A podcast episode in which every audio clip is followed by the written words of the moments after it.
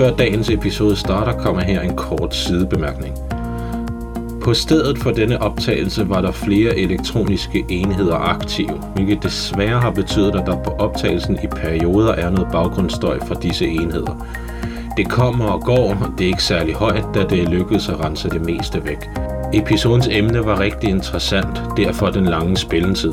Men jeg lover til gengæld, at det er et spændende emne snakket om med en af vores dygtigste dommere. God fornøjelse med episoden.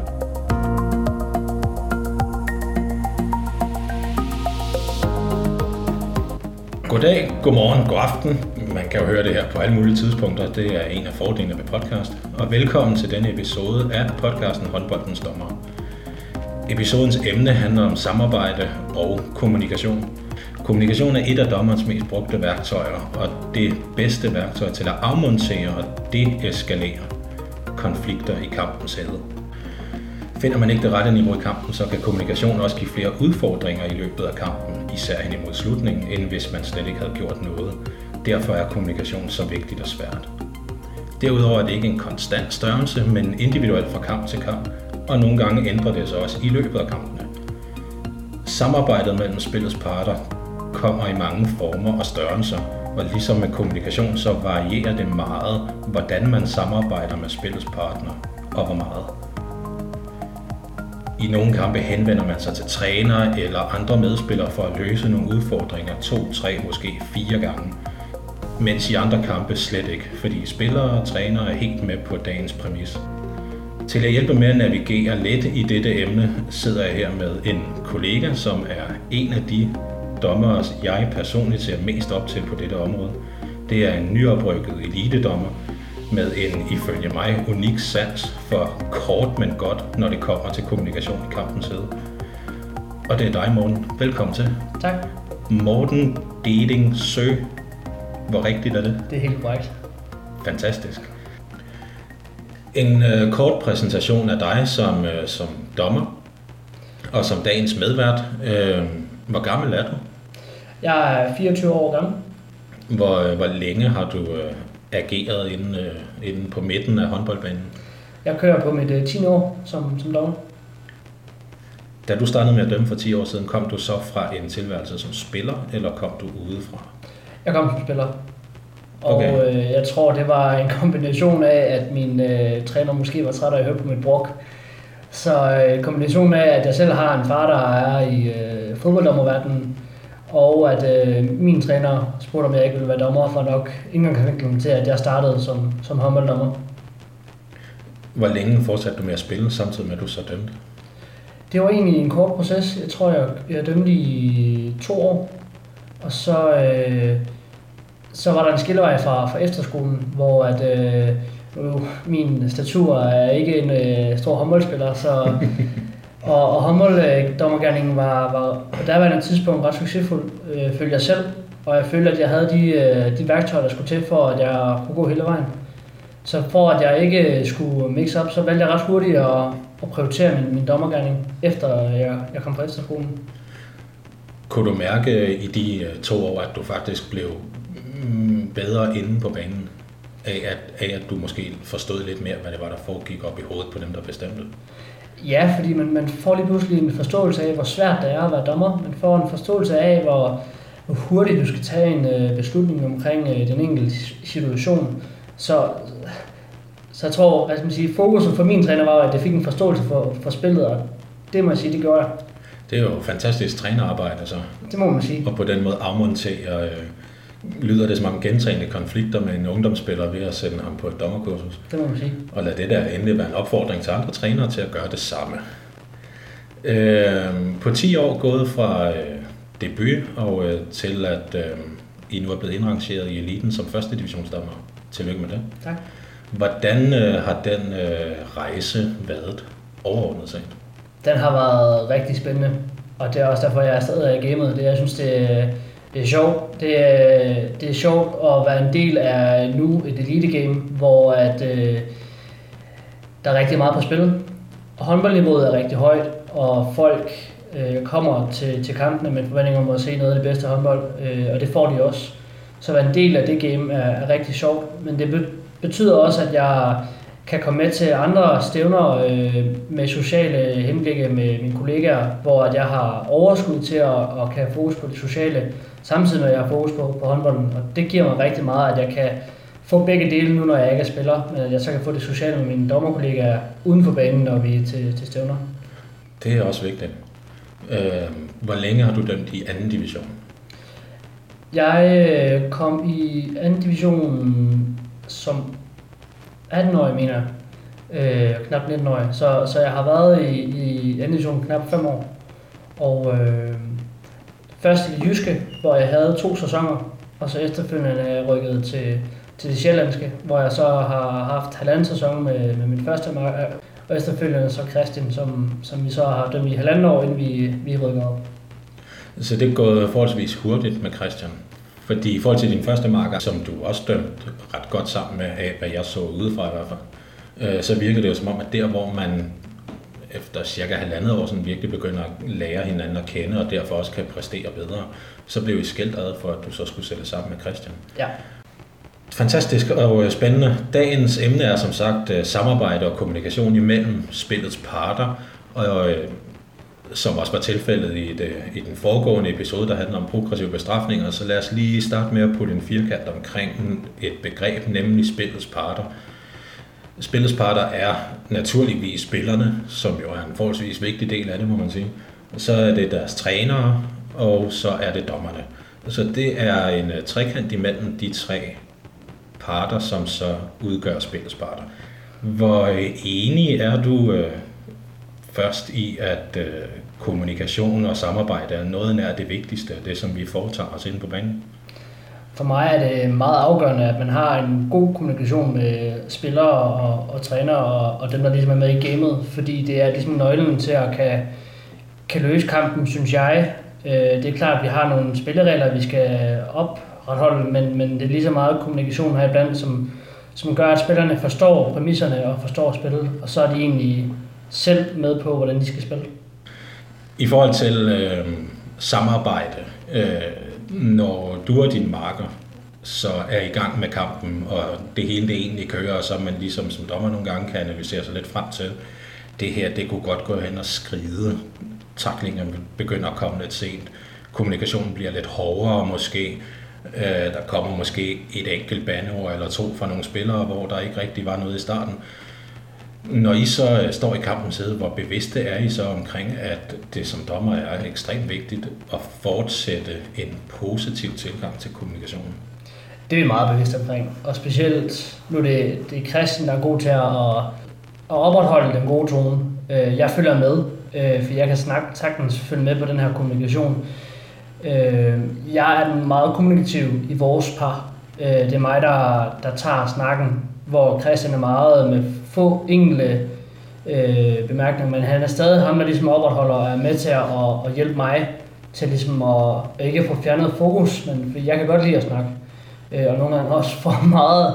Øh, men det er jo en del af gamet, og, og, det er jo en proces, som Christian og jeg også, vi har internt i parret, hvor vi i headsettet er gode til, hvor han så siger, træk lige vejret, eller tæl til tre, eller de her måder, hvor vi så på den måde stadig kan opretholde en god dialog med, med spillerne.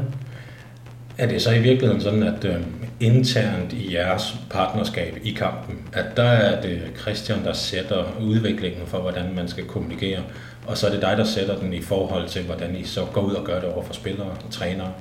Ja, for jeg har nemmere ved at følge med på hans linje for dagen. Jeg, øh, jeg kan snakke meget, og jeg kan snakke lidt i forhold til, jeg vil rigtig gerne snakke øh, med spillerne, fordi kommunikation er så vigtig for mig med, med spillets parter. Men jeg ved også, at når det spidser til, så, øh, og specielt på det niveau, vi, øh, vi er ved at være på, jamen der er, det, der er point altafgørende. Det er penge, det er sponsorater, det er kontrakter, det er fyringer, det er, det er faktisk det hele, der er iblandt lige pludselig, og, og som med i puljen. Det vil sige, så må jeg også lære at, og så klappe i, og så bare øh, snakke mindre. Er det en forventning, at jo højere man kommer op, så fordi mere er indforstået, fordi spillerne måske også er mere professionelle, så det er ikke nødvendigt at kommunikere så meget. Det er ikke nødvendigt at forklare så meget i forhold til, hvis man er lidt længere nede i rækkerne, hvor deres, lad os være søde i dag og så sige, deres regelskendskab måske ikke er optimalt. at det simpelthen er nemmere at kommunikere højere op, fordi de nærmest ved, hvad det er, du vil sige, før du har færdiggjort din egen sætning. Enig, helt enig. Og, og man kan sige, de er så håndboldteknisk kloge, at de godt ved, hvad vi dømmer for. Så kan de udfordre os og stille øh, spørgsmålstegn ved vores, ved vores linje eller ved vores ageren. Men de ved godt i bund og grund, når vi fløjter noget langt hen ad vejen, hvad det er, vi vil og hvor vi vil hen af. Så kan de så udfordre, men det får netop at få den næste kendelse. Ja, de, de går ikke ind og udfordrer kendelsen, fordi de sådan set øh, er uforstående. De kan selvfølgelig være uenige, men de er ikke uforstående, men det er fordi, at spillere på det niveau tænker så langt frem, så de tænker, hvis der nu kommer en lignende 50-50 situation om 25 minutter, så kunne den meget vel gå vores vej, simpelthen på grund af helt almindelig menneskelig psykologi. Præcis. Generelt, hvordan øh, har du det med at skulle samarbejde med spillerne og trænerne om at løse kampen? Det er jo det, jeg synes, der er spændende ved at være dommer, og, og derfor er jeg stadig i gamet. Jeg synes jo, det er sjovt at være aktiv, altså fysisk aktiv, mens man ligesom skal få det til at gå op i en højere enhed. Og for mig som dommer er den fedeste kamp og den sjoveste kamp, er der, hvor der er fuld smæk på, der er god intensitet, holdene forstår hinanden, der har den samme dagsorden, og vi samtidig kan få det til at gå op i en højere enhed. Så det er, det er alfa og mega for mig. Så i virkeligheden, der kan man lidt sige, vi har øh, to hold. Vi har et hjemmehold, vi har et udhold. Øh, og så har vi jo deres træner, eller trænere, når man kommer lidt højere op i niveau. Der er måske nogle fysioterapeuter, og der er nogle andre øh, officials, som der er ude på bænken.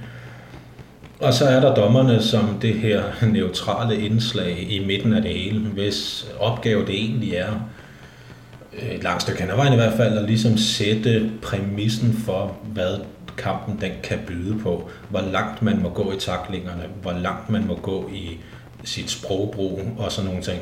Og så er det egentlig op til spillerne at øh, rette ind i forhold til de øh, snore, som der vi ligger ud. Øh, og trænere, som står udefra og, og dirigerer inde på banen, også skal ind og følge de her snore her. Øh, er det også sådan, du ser det? Helt sikkert. Helt sikkert. Og vi skal jo alle sammen, vi er jo, eller den interesse, at, at det hele går op i nøgenhed, både spillere og trænere og, og dommere. Så hvis vi kan lægge de her snore eller linjer, som skal kalde dem, øh, klart fra start af, så spillere og trænere og omgivelserne forstår, hvor vi vil hen, så giver det helt klart også en nemmere kamp for os, når, vi også, når, når, også når det spidser til. Hvor, øh, hvor vigtigt ser du på øh, kommunikation som en del af, af det arbejde, som vi dommer laver ind på banen i forbindelse med løskampene? Øh, meget vigtigt. Og vigtigt forstået på den måde, at via vores kommunikation kan vi også øh, ligesom forklare spillere og trænere, hvad det er, vi render rundt og laver.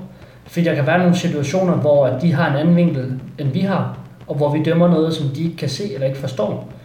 Det vil sige, at hvis ikke vi forklarer os ud af situationen, jeg siger ikke, at vi skal forklare os med alle ting, vi laver, fordi der er bare nogle ting, hvor de har en interesse, og vi har en anden.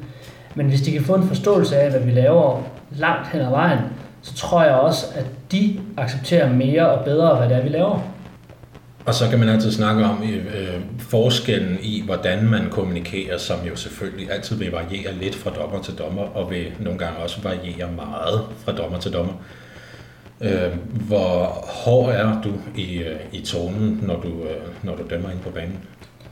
Ingen tvivl om, at, at de kampe, vi har haft med, med første divisionshold, kan vi godt mærke, at tonen skal være skarpere. De er mere håndboldkloge, og på en eller anden måde også mere frække i, og, og, og provokerende i deres attitude.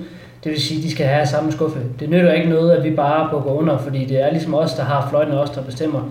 Så vi skal give dem igen. Og øh, dermed, vi skal stadig holde en pæn tone, men vi må godt udfordre dem. Fordi de har overskuddet, rent fysisk og psykisk, til at ligesom udfordre os. Og så må vi godt give dem igen, fordi det er en del af gamet og en del af kampen i kampen. Prøver, øh, prøver du som dommer, og muligvis også din marker, det der med at finde ud af, hvordan kommunikerer spillerne. Hvis de er meget snaksalige, så kan man også være meget snaksalig selv. Men hvis de kommunikerer i, lad os sige, enstavelsesord, så er det i virkeligheden en fordel, at man som dommer kan tilpasse sig det, og måske også ændre i løbet af kampen, hvis spillerne de ændrer. Øh, så man hele tiden kommunikerer samme måde, som de gør, imens at de ordvalg, som vi så har, oftest vil være lidt anderledes, fordi de måske er lidt mere faglige, hvor spillernes måske er lidt mere følelsesmæssige? Altså jeg tror, vi skal møde dem der, hvor de er. Og jeg tror, vi skal, vi skal, som du selv siger, hvis de har lyst til at være snaksalige, så for mig at se, karakter det er også igen fra dommer til dommer, men så møder jeg dem der, hvor de er. Det vil sige, så er jeg selv meget kommunikativ. Hvorimod hvis jeg har med en spiller at gøre, der ikke har lyst til at snakke, og som måske er uenig i det, jeg dømmer, eller har set sig sur på mig, jamen, så må jeg også acceptere det, og så må jeg øh, snakke mindre. Øh, og det er også det, der gør det sjovt. Og så kan kampen hele tiden ændre sig fra, øh, fra minut til minut. Og der, der mener jeg bestemt også, at vi skal adoptere os i forhold til, hvor kampen den nu ender. Det, det er jeg selvfølgelig også enig i, og jeg synes, det er noget af det allermest spændende, det er, at tingene ændrer sig. De første fem minutter, der er der en tone, fordi folk er friske, det er ikke lige så vigtigt, lad os sige de første 10 minutter. Øh, at der er folk stadig friske, og kendelserne er måske ikke så vigtige i gåsøjne endnu, øh, fordi kampen er jo langt fra afgjort. Og der oplever jeg det i hvert fald jævnligt, når jeg dømmer division for eksempel, at hvis man laver en eller anden horribel kendelse efter 8 minutter, så har spillerne en tendens til at sige, ah, fuck det, videre. Øh, øh, alle laver fejl, og, øh, og der er stadig 52 spilleminutter tilbage. Hvor hvis man laver den samme fejl efter 58,5 minutter, så bliver man jo savet og overputtet ud i skraldespanden bagefter. Øh, når I står i kampens sæde og skal måske efter 58,5 minutter træffe en beslutning, som vil være upopulær hos cirka halvdelen af dem, der er til stede på banen. Øh, hvilke tanker gør du der omkring det, at du ved, det er den rigtige kendelse, du kommer med nu, men du skal så vise det, og måske endda også forklare det kommunikativt til spillere, men at du stadig kun har 5-6 sekunder, fordi så står der en angriber klar til at tage et straffekast. Hvordan er din tilgang til det? Altså en ting kommunikationsmæssigt er den verbale, den anden er også kommunikationen via dit øh, kropssprog. Og der tror jeg bestemt, at man via sit kropssprog og sit verbale, hvis du har overskuddet, nemmere kan sælge en kendelse. Det vil sige, at hvis du verbalt har overskud til at kan forklare, samtidig med at du virker selvsikker i din kendelse, så sælger du den også hvad man sige, kommunikativt for alle spillets parter. Og så må man tage de øh, skideballer, der nu kommer. Det, det er jo en del af vores game, og det ved vi fra start af. Vi ved, at vi skal tage de hårde, de irriterende øh, kendelser, som gør det svært for spillerne.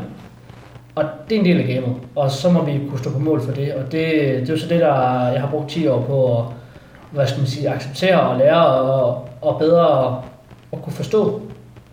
Fordi i starten, da jeg som dommer skulle tage de svære kendelser, og der lige pludselig stod nogle spillere og råbte af mig, det havde jeg svært ved at forstå, hvor nu, der, øh, der ved jeg, at det er en del af gamet, og jeg ved, at jeg skal tage den, den irriterende og den svære kendelse, men det er derfor, jeg er dommer at det i virkeligheden noget af det, man lærer med tiden, lad os sige, når man har dømt de to cifrede antal år, så begynder man at lære det der med, det er ikke dig, Morten, personligt, de sådan set kritiserer. De kritiserer den trøje, som du har på, på grund af det, som du repræsenterer ved at have en dommertrøje på. Lige præcis. Og det, det har taget mig noget tid at acceptere, fordi da jeg var yngre, og nu startede jeg en ung alder, der kunne jeg ikke forstå, hvorfor de skulle angribe. Men med tiden, i takt med at man får mere og mere erfaring, så forstår man også, at det er trøjen og funktionen, de angriber, og ikke Morten som person, når han ja. nu klæder om.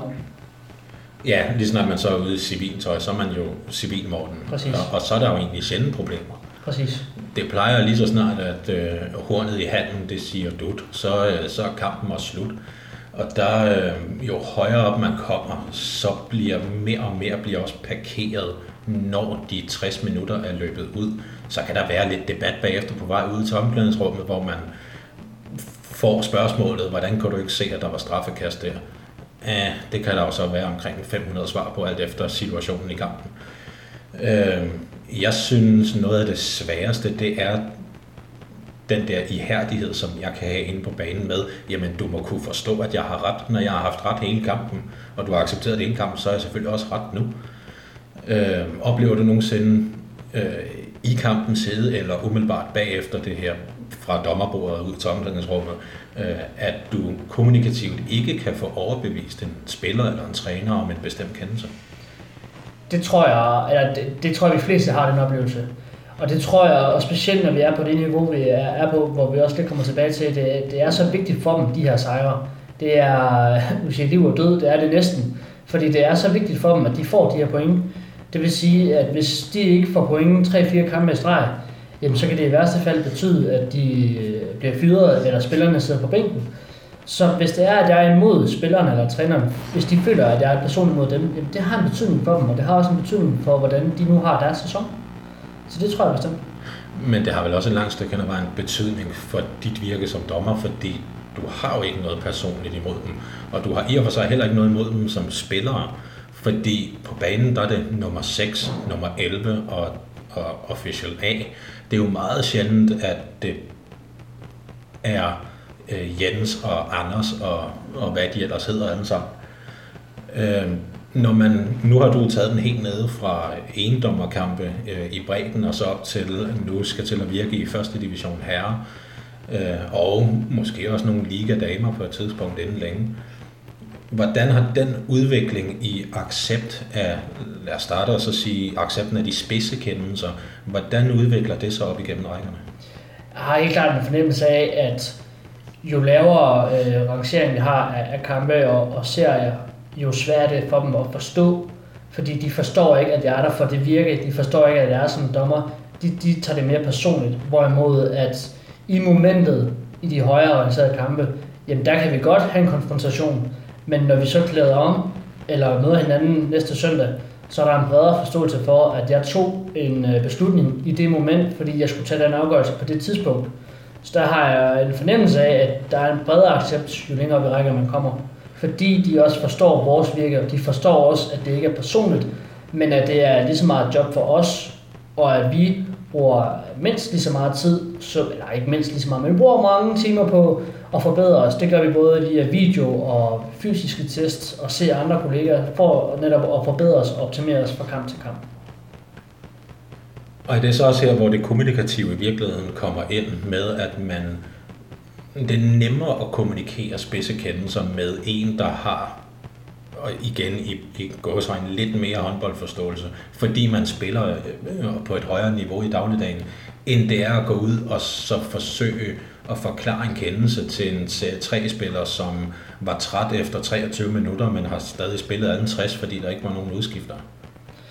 Ikke at forklare ham, der er træt efter 23 øh, minutter. Det, jeg, det er jeg også, når jeg spiller, ja. så det er helt fint.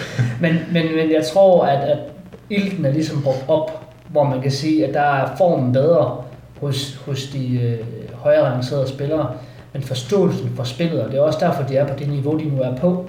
Det kan godt være, at ham, der er træt efter tre minutter, har været på det niveau, men ilten er simpelthen opbrugt, og forståelsen er også, måske også lige så meget frustrationen af, at man ikke er på det niveau, man har været på.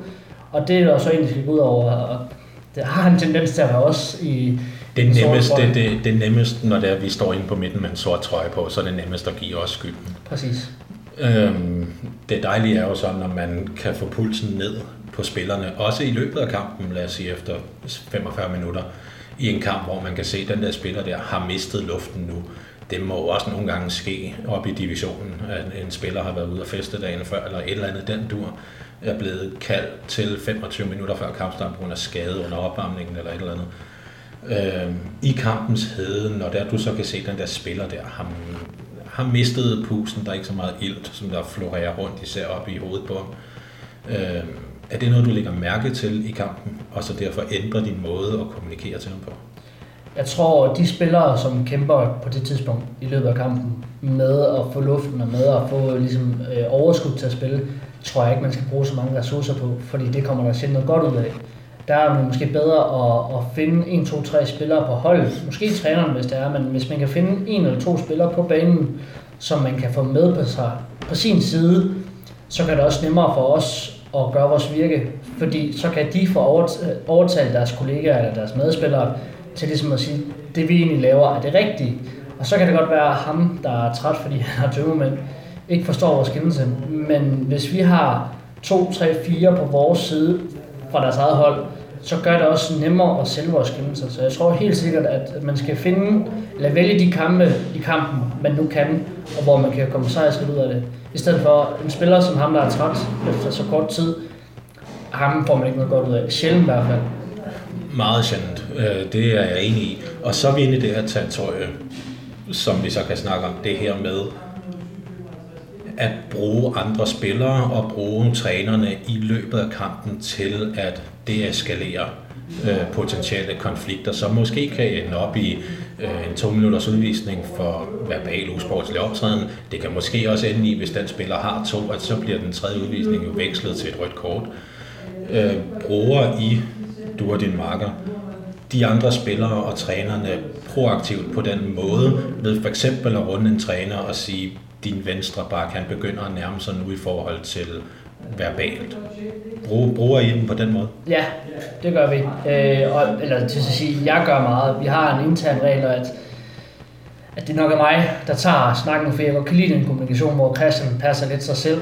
Han er stadig kommunikativ, når der er brug for det, men det er mig, der tager snakken med trænerne. Også fordi, at jeg tror på, at det kan på nogle tidspunkter gøre, at vi undgår de her udvisninger, de her trælse kendelser, som hvis der er, vi er, er lige ved siden af hinanden, og der kommer nogle udbrud fra spillerne, det kan omgivelserne ikke se.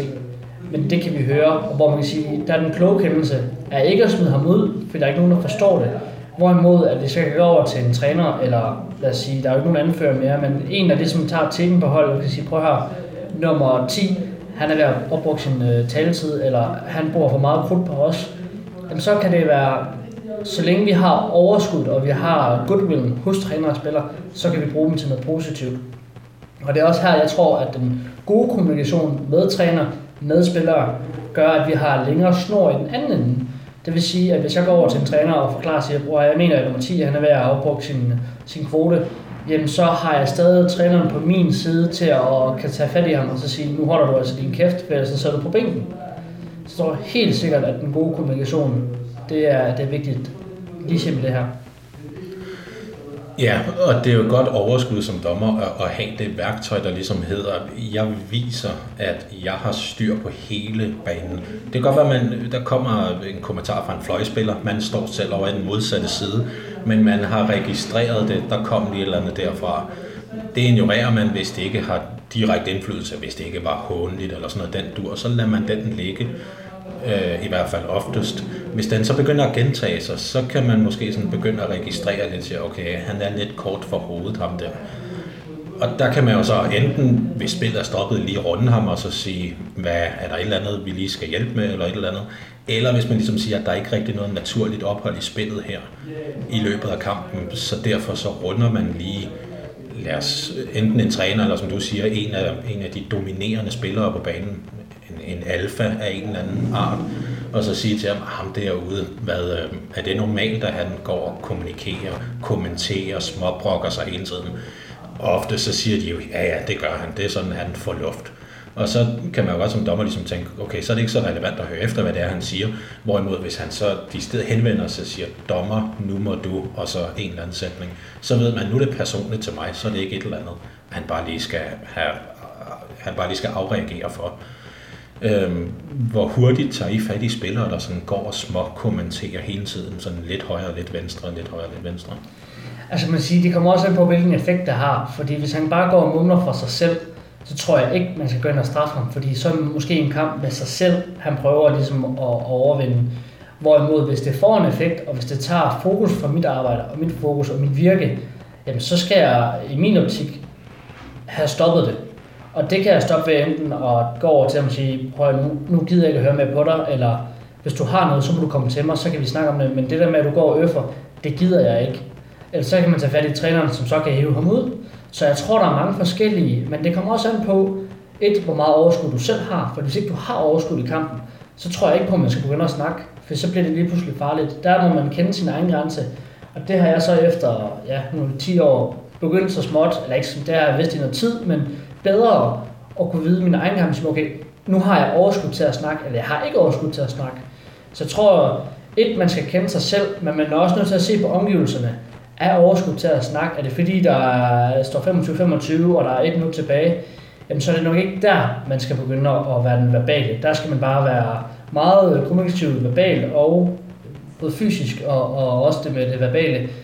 Hvorimod, at hvis du har længere tid tilbage, så kan man tage den på en anden måde. Så jeg tror, man skal se kamptidspunktet og hvor de er. Og man skal gerne vide dem, hvor de er. Og hvis man kan få dem talt ned tidligt og få dem på en side, så tror jeg også, det bliver en nemmere kamp. Det bliver i hvert fald nemmere, hvis der står 25-25 med, lad os sige, 25 sekunder igen og der kommer en angrebsfejl, som de ikke kan forstå. Og så er vi tilbage ved det her med tilliden til dommervirket. Hvis de har tillid til, at det vi har gjort i kampen har været rigtigt, vores vurderinger med angrebsfejl har været rigtige, og de har været enige i dem indtil videre i hvert fald, øh, og så de siger, mener du, der var angrebsfejl? Og så jeg siger, min vurdering er, at forsvarsspilleren når at stå stille. Så vil han, han antager vi øh, i samtalen her, så vil spilleren have en større tendens til at acceptere kendelsen, selvom han måske er uenig i situationen, fordi at man har ham på sin side. For mig er den verbale kommunikation nærmest det vigtigste redskab i forhold til at skabe tillid. Fordi at øh, effekten af god kommunikation også bliver denne her generelle accept, og man formår at tonen på banen forbliver god, forbliver forholdsvis professionel i en eller anden grad i hvert fald. Og der må man jo sige, det er noget nemmere, når man kommer op i divisionen, i forhold til, når man har sådan en god torsdag aften kamp, start 2045 i serie 4 her, som også er meget hyggeligt et langt stykke hen ad vejen, men som oftest bare også kan være ret svært at løse tilfredsstillende, både kommunikationsmæssigt og fysisk, øh, fordi de er på et andet sted. De forventer nogle andre ting af dommeren. Når du har dømt de her øh, omkring fem år i anden division. Har du så dømt øh, i de lavere rækker også? Det har været meget begrænset. Men ja, det har jeg stadig haft, og der er klar forskel på, hvordan man kommunikativt skal være over for spillere og for trænere, fordi de forstår nødvendigvis ikke, eller de har en anden tilgang til tingene. Jeg vil sige ikke at forstå, fordi de har bare en anden dagsorden, end vi har. Og hvor man kan sige, i, i anden division og i tredje division også, og i første division, jamen der er det tredje division er typisk lidt ældre og måske øh, topspillere, som har været i gamet og som forstår gamet. Hvor man kan sige, at hvis du kommer til seriebold, jamen så det, kan det være hyggebold for nogen, som bare skal komme og drikke øh, nogle øl i, i tredje halvleg. Og så, så de har en helt anden dagsorden, og dermed også den forståelse af spillet. Det vil sige, at når jeg kommer frem til, til nogle divisionskampe, så forventer de, at jeg er der 110% og de forventer, at jeg har overskud i kampen, og de forventer også, at jeg gør mig umage hvor man kan sige, når en serie 4 spiller kommer, så er det mere fokus på, at han har noget socialt. Formentlig i hvert fald ikke at forklare en serie 4, men formentlig er det det sociale, de kommer for, og ikke så meget, at det er blive udfordret på det håndboldmæssige. Øhm, det er jeg selvfølgelig 100% enig i. Øh, jeg synes, når jeg har været indrangeret og haft mit daglige virke i 3. division, når jeg så kommer ned og dømmer serie 3 til serie 4, som man jo dømmer alene øh, på Sjælland, til og med serie 3, så øh, synes jeg ofte, jeg har sværere ved at beholde spillerne på min side hen imod slutningen, der hvor de mister luften, mister ilten. Øh, hvorimod jeg synes nærmest, det er nemmere at holde styr på trænerne hele kampen. Fordi trænerne meget hurtigt finder ud af, okay, vi kan ikke løbe om hjørner med ham her, fordi han er vant til at blive udfordret af spillerne i alle 60 minutter, som man jo gør op i divisionen. Når det er, at du har dømt i bredden, det vil sige fra øh, kvalrækken og ned efter, og det vil så hedde Jyllandserien i Jylland, for dem, der lytter med det. Synes du så, at det har været nemmere eller sværere i forhold til officials, altså trænere, at kommunikere med dem? For mig synes jeg, det stiller det mange krav, og det gør det på nogen måde sværere, fordi at vi har, en anden, vi har forskellige dagsordner de er måske uenige, og de tænker, at jeg er et fjols, fordi at jeg dømmer på den måde, jeg er, og, og den måde, jeg jo dømmer på, hvor man kan sige, at i divisionerne øverst op, jamen, der vil de påvirke mig i 60 minutter, men det er for at få den næste kendelse. Jeg, jeg tror ikke, at en serie 4, serie 3 træner prøver nødvendigvis, jo, de vil også gerne have den næste kendelse, men de har ikke så meget fokus på den næste kendelse. Det er simpelthen bare fordi, de har en anden tilgang til, til håndbold og til, tilgang til spillet.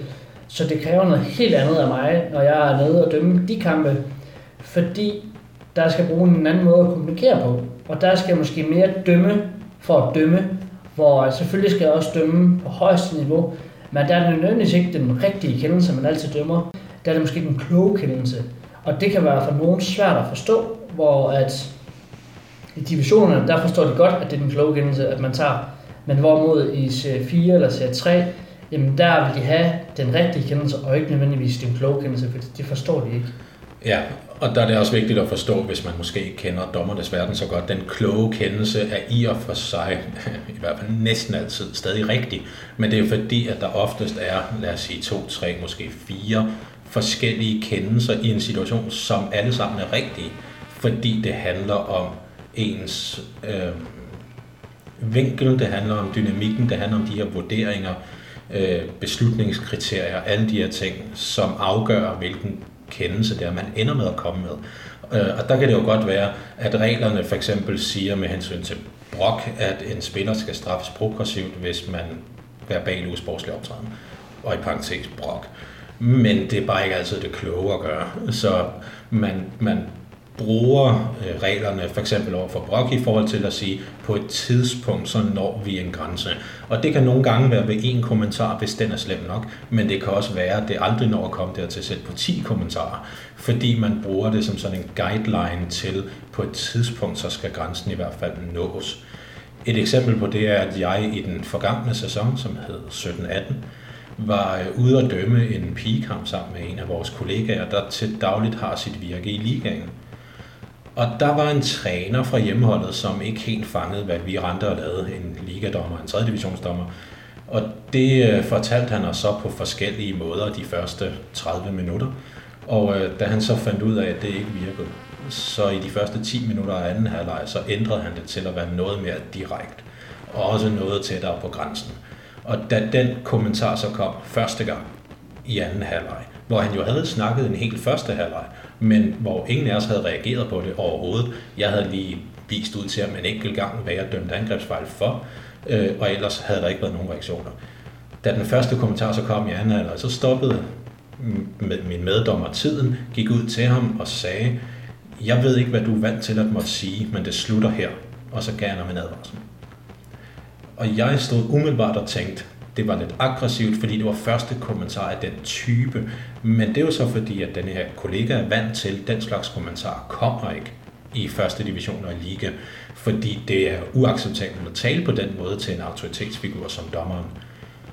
Det sjove er så, at den træner, han fangede godt den kommunikation, hvilket så betød, at der, der 10 minutter senere hjemmeholdet synes, at der var strafbar fod på bolden, men det synes jeg ikke, der var, så jeg sagde spil videre. Så kom den ud fra bænken af, ja, vi ved ikke, hvad I er vant til at måtte, men her der plejer vi at dømme fod. Og så var der jo grin i hele hallen, og alle var ligesom med på, at det var sagt for lige at stikke lidt tilbage. Øh, og den slags kommunikation, hvilket jeg også kommenterede til træneren bagefter, er hyldende morsom. Hvor bevidst er du omkring at bruge humor til at kommunikere med i løbet af kampene? Hvis man hele tiden kan bevare den gode stemning, og man kan få sagt det med humor, tror jeg også, at man langt hen ad vejen har spillerne i længere tid. Det vil sige, at hvis man har humoren, hvis man har den, den, den positive ånd i spillet, så tror jeg også, at man har dem langt længere ind i spillet, også hvor det spidser til, og hvor det bliver intenst.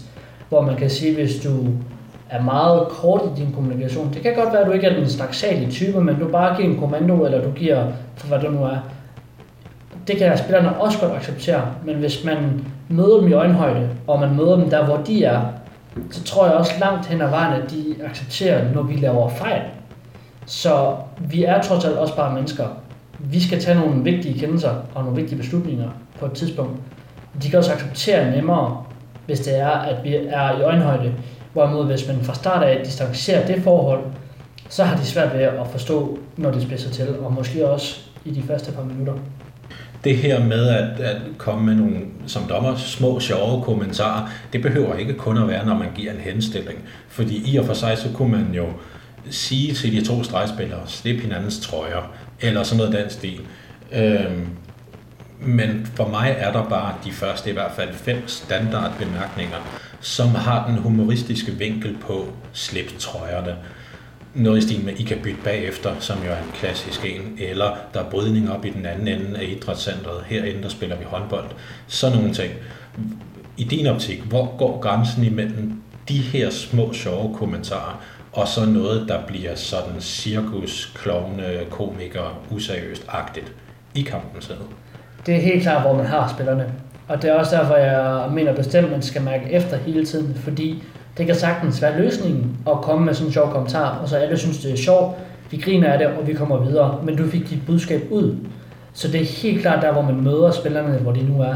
Hvis der står 25-25, og der er 30 sekunder tilbage, så tror jeg ikke, at det er den rigtige måde at, at kommunikere på. Hvorimod, at hvis det er det første minut, og der er en lidt mere sjov stemning, så tror jeg måske godt, det kan være den rigtige løsning. Så jeg tror helt sikkert, det er vigtigt, at man fanger dem, hvor de er, og hvor de forstår, øh, hvor man vil hen. Fordi hvis de forstår den sjove vinkel, okay, ham kan vi godt snakke med i dag, så får man også den vej. Hvorimod, hvis du nu bare kom med en, en paragrafhenvisning og sagde, du må ikke i forhold til paragraf bla bla, så bliver det meget seriøst. Det kan godt være, det er det rigtige, men, men det er hele tiden at møde der, hvor de er, det tror jeg er det vigtigste. Det kan i virkeligheden blive, sådan som jeg hører dig sige det, det kan i virkeligheden blive for professionelt, at, at øh, ens måde som dommer at løse konflikterne på. Helt sikkert. Og det, det, det kan både blive for seriøst, det kan også godt være det rigtige i momentet, hvor man kan sige, i en situation, hvis du siger noget med brydecenter og så videre, eller ikke kan blive trøjer og så videre, det kan være rigtige momentet, men det kan også godt, det kan, det kan vende på, på en knivspids, forstået på den måde, at så kan du også få spillerne imod dig, og så tænker de, hold kæft, hvor du fjols. Så det er hele tiden med at finde ud af, hvor har man hinanden henne, og hvis man har dem i sin hulehånd, så kan man godt komme med sin kommentar. Hvis ikke, og hvis du allerede er presset, og de synes, du er et fjols, så er det ikke den rigtige måde. Og så tror jeg nødvendigvis heller ikke, at det er den rigtige måde at komme med en, en skarp paragrafhenvisning. Så må man bare sige, stop det der, eller lad være med at rive hinanden i trøjerne. Og så er det sådan korte kommunikationer. Ja, de sidste par sæsoner, hvor vi jo, øh, når vi har set håndbold på TV2, jo har, har set og hørt med på, hvad dommerne siger i situationer, fordi der har været de her mikrofoner. Der har vi jo også, øh, jeg synes personligt, det har været super spændende også at se forskellen i, hvordan at man takler situationer kommunikativt i ligaen. Forsøge i en eller anden grad at tilpasse den kommunikation til at kunne bruge i de rækker, som jeg opererer i personligt. Det kan være meget svært at tage ordret, når en af vores bedste dommer, i min optik den bedste, går ud og siger, nu slipper du kraftet mig den trøje, eller så river jeg din af dig, og så går videre. Hvor igen, hvis jeg sagde det til en 3. divisionsspiller, der var nok 10% chance for, at han synes, at det var meget sjovt. Men hvis jeg gjorde det i Dalby på Sydsjælland, så ville de rive mig midt over. Fordi den slags kommunikation er ikke forventet. Jeg tror heller ikke nødvendigvis, det er forventet op i ligaen, at man tror med at rive, spil, at rive trøjen af en spiller. Men i situationen virkede det, fordi spilleren ikke gjorde det mere resten af kampen. Og det var ikke et samtaleemne, så vidt jeg ved, efter kampen. Så der har dommeren jo fundet den, okay, nu er min grænse nået med det der, og det var også fire gange, de var inde og sige det, så grænsen var også nået. Og så står man nogle gange som dommer imellem et alternativ imellem, skal jeg give en progressiv nu, og simpelthen begynde på det, for at holde trøjen, så ved man som dommer, at nu kommer der en hel masse appeller resten af kampen for det, når man først har givet den første progressiv for det. Eller skal jeg gå ind med en forholdsvis hård, forholdsvis, øh, men nogen måske sige ukontrolleret kommunikation i løbet af kampen, som man måske som dommer bagefter sidder og fortryder lidt, okay, der mistede jeg lidt koncentrationen der i forhold til det kommunikative. Når det er, at du oplever i anden division, første division, at nu, okay, nu er min grænse altså nået, nu gider jeg ikke at kigge på det der mere. Det kan være trøjeriv, det kan være øh, brok, det kan være de der 50-50 skub. Øh, ej, i luften så er det jo ikke 50-50, men de her situationer, der sådan er lige på grænsen. Hvordan rationaliserer du op i hovedet, når du analyserer og siger, nu gør jeg det her eller det her? Jeg vil sige, jeg tror meget på, det er, hvordan ser spillerne på en selv, og hvor har man spillerne henne. Christian og jeg i vores sidste sæson i anden division, der var der ingen tvivl om, at vi havde en bred accept for det, vi lavede. Det vil sige, at vi kunne også, et, vi kunne bedre, øh, eller de kunne bedre acceptere, at vi lavede fejl. Det var den ene ting. Men verbalt kunne vi også tillade os at have en anden tilgang til spillet og, og opføre os overfor. Jeg siger ikke, at man skal begynde at komme med alle mulige ukontorer og så videre mod spillerne, fordi det vil de ikke høre på. Men det kan være en løsning på et tidspunkt, hvor man kan sige, at nu kommer vi op i en ny række, vi kommer op til nogle nye spillere, det er ikke alle, der kender os, det er ikke alle trænere, der kender os, det vil sige, at de vil prøve os af, hvor at det bliver et helt andet game, vi skal til at, at finde os i, hvor man kan sige, at da vi havde overskud i, i anden division, så kunne man godt komme med en kickbemærkning, fordi man havde tilliden fra spillerne. Sådan en bemærkning, der kommer fra en, fra en ligadommer, kan kun accepteres, fordi at spillerne har tilliden fra ham. Det vil sige, på et eller andet tidspunkt, så er nok også nok. Og man kan ikke blive ved med at sige, åh, hold nu op, hold nu, er du ikke sød, og lad være med, og så videre. Det fungerer ikke. Så må man bruge hårdere øh, kommunikation mod dem, og så forstår de det. Men det kræver, at man har tilliden fra spilleren, træneren, til at kan komme med det her. Vil du sige, at der er en forskel i den direkthed, skråstreg hårdhed i tonen, som man kan tillade sig at komme med i eliten i forhold til divisionen og bredden? Det tror jeg. Fordi de snakker også hårdt til en.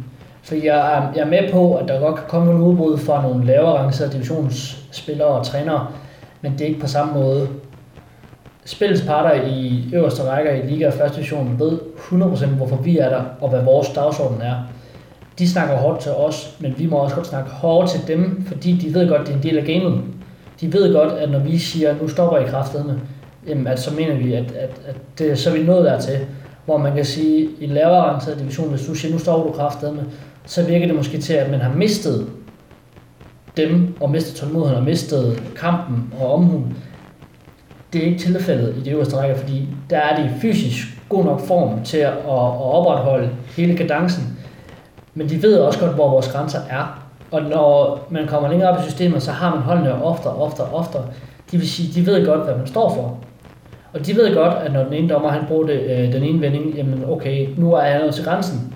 Hvor når man er en bredde dommer, så har du flere hold. Det vil sige, det kan godt være, at du har det samme hold en til to gange eller tre gange i løbet af en sæson, men så er det ikke meget mere. Det vil sige, at de kender ikke nødvendigvis til ens grænse. Så jeg tror helt klart, at man kan tillade sig at være hårdere, også fordi at spillerne, de kender en bedre. De forbereder sig lige så meget til modstanderen, men også til os som dommer. De ved lige præcis, hvem der træder ind øh, af halvdøren, når det er, at de skal, de skal spille, fordi så forberedt er det. Er det. Der er ingen tvivl om, at, at når man kommer op på det niveau, og deres uge handler om, hvad der skal ske lørdag søndag, så har de jo selvfølgelig også tjekket ud, hvem er dommerne, hvor meget erfaring har de, er de nyoprykket, eller er de nedrykket fra ligaen måske. Øh, og hvad er deres dagsorden så? Altså er det meningen, de skal ned og vinde for at komme op i ligaen igen? Eller er de måske rykket ned for at blive lidt i første division, og så måske rykke ud af eliten bagefter?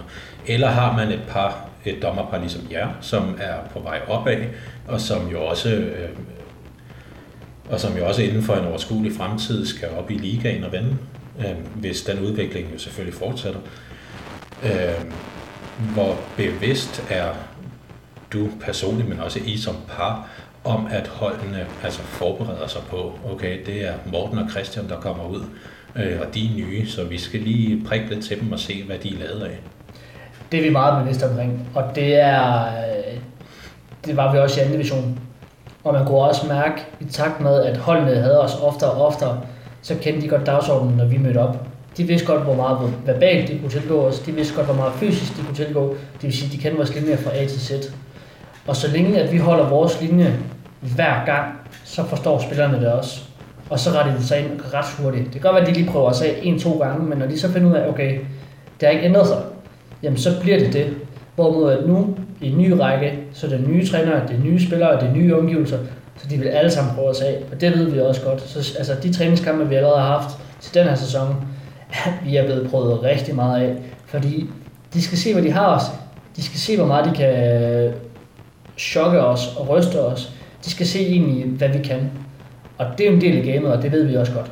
Men er det i virkeligheden også jeres øh, mulighed for at vise dem, nu er det jo bare træningskampe, men jo i den forstand, at når I nu har dem i træningskampe, som I skal ud og have i turneringen i den kommende sæson, så har I også mulighed for at sætte en dagsorden, hvor I siger, det her det er os, og nu kender I os i 60 minutter i hvert fald, i forhold til, når vi skal ud og have i turneringen at så er I ikke 100% nye. I ved, at denne her træner, han råber lidt højt i træningskampene, så må ikke også han gør det i turneringskampene. Gør det det sådan nemmere sådan at kigge fremad med hensyn til, at sæsonen starter snart? Det synes jeg bestemt. Og det er også det, der gør det sjovt, at vi allerede nu kan se, hvordan niveauet er. Vi kan se, hvilken dagsorden de har, og hvad de vil os. Om de vil os kommunikativt, eller om de slet ikke vil os. Det vil sige, at vi bruger jo også lige så meget den her preseason til at finde ud af, hvor har vi spillerne, hvor har vi trænerne, hvor er niveauet, og hvad er det, vi vil stå for som par. hvad er det, de skal kende os for, når der er, vi møder op? Hvad er det for en verbal linje, vi tillader? Hvad er det for en fysisk linje, vi tillader os? Så, så lige så meget, at det er for, at de forbereder sig til sæsonen, så er det lige så meget forberedelse for os til, at vi ligesom kan, kan komme godt fra start af. Og så er vi tilbage ved denne her snak, som man jo kunne snakke om i flere timer med, hvordan dommer egentlig er nogenlunde lige så struktureret i deres tilgang til weekendens kampe, som, som holdene er. Øh, og det synes jeg også er vældig spændende, hvor, hvor forskelligt man også gør det som dommer, med hensyn til at gøre klar.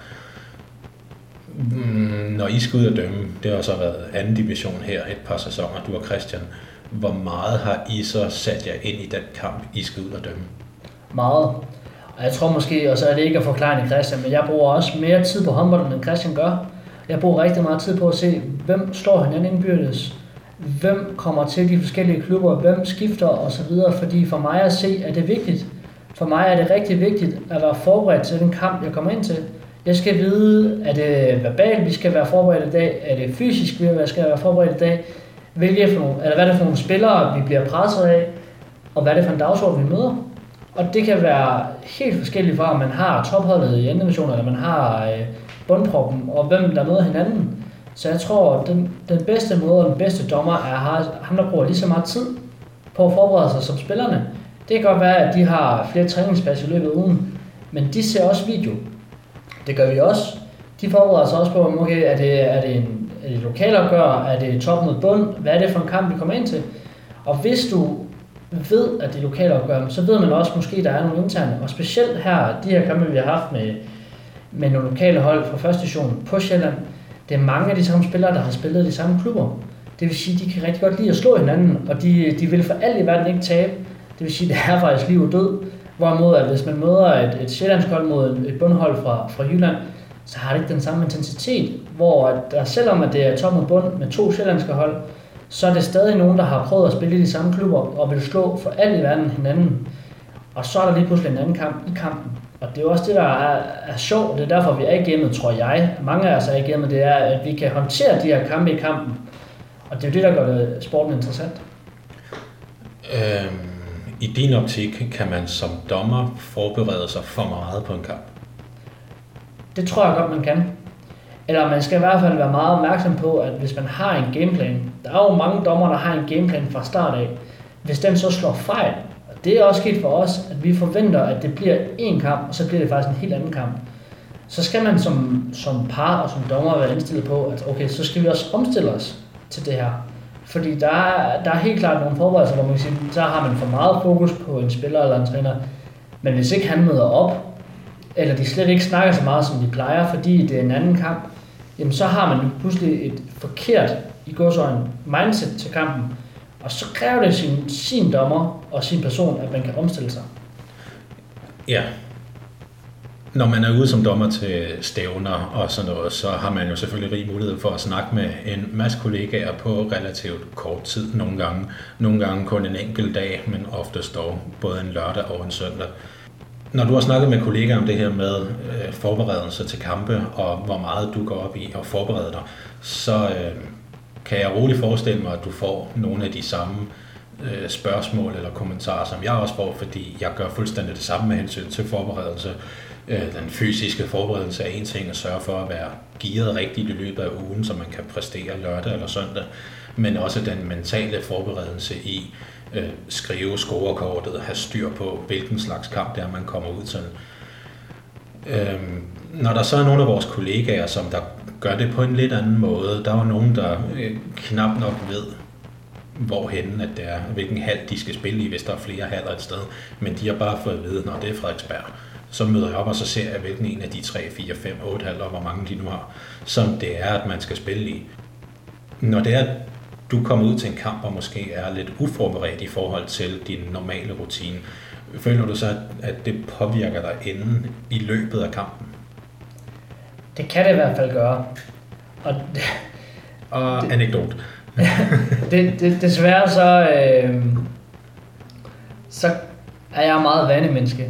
Og det vil sige, når jeg kommer ud for nogle situationer, hvis jeg, jeg har mine rutiner, jeg har min måde, øh, hvis jeg kommer dårligt fra start af, så kan det godt påvirke mig i løbet af kampen. Det vil sige, hvis ikke øh, at alt er klar fra start af, så kan det godt påvirke mig. de kampe, hvor at uret ikke virker, eller spillerne lige pludselig møder op i nogle andre trøjer, end, end hvad man havde aftalt osv. Det bør ikke påvirke, men, men jeg vil lyve, hvis jeg sagde, at det ikke påvirker mig i en eller anden grad. Og man kan sige, at det er blevet bedre med tiden. Det er blevet bedre, at jeg ligesom accepterer, når man så ligger vi det bag os, og så sætter fremad. Men i starten, hvis jeg kom dårligt fra start, hvis uret ikke virkede og så, videre, så kunne det godt påvirke mig langt ind i kampen, hvor nu er jeg bedre til at acceptere det, men jeg vil lyve, hvis ikke det påvirker mig. Det, ja, det vil også lyve, hvis, hvis, jeg vil også lyve, hvis jeg sagde, det heller ikke påvirker mig. Så noget med at starte skævt, at så bliver man ligesom ved med at gå skævt. Og så gælder det så at få nogle redskaber til at rette den op sådan i løbet af kampen. Øh, og der har jeg så fundet ud af, at min præference i hvert fald i forhold til, det er at, at komme med nogle rigtige kendelser sådan relativt tidligt, og sådan føle, okay, selvom jeg startede lidt skævt, vi startede lidt for sent, fordi der var en kamp før, der var, der var forsinket, eller som sagt, uret ikke virker, hvilket jo også sker jævnligt, især længere ned i rækkerne. Øhm, så ved at føle, at jeg er en del af kampen, så, så kan jeg jo mærke på spillere og trænere, at det har ikke gjort noget, at vi startede lidt skævt.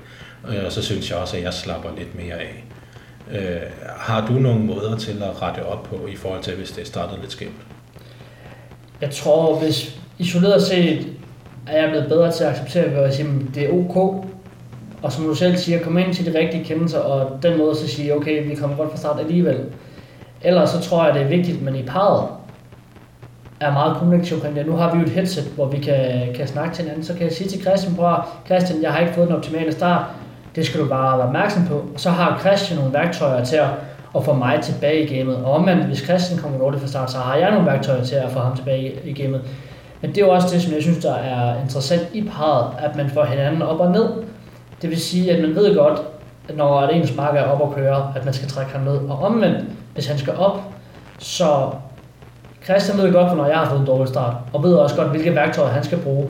Så i parret tror jeg, det er vigtigt, at man har nogle interne guidelines til ligesom at fortælle hinanden, okay, når jeg er på den her måde, så skal du gøre sådan her. Og omvendt. Det vil sige, at man helt fra start af ved, hvordan en, en marker reagerer på de gode tidspunkter og på de dårlige tidspunkter.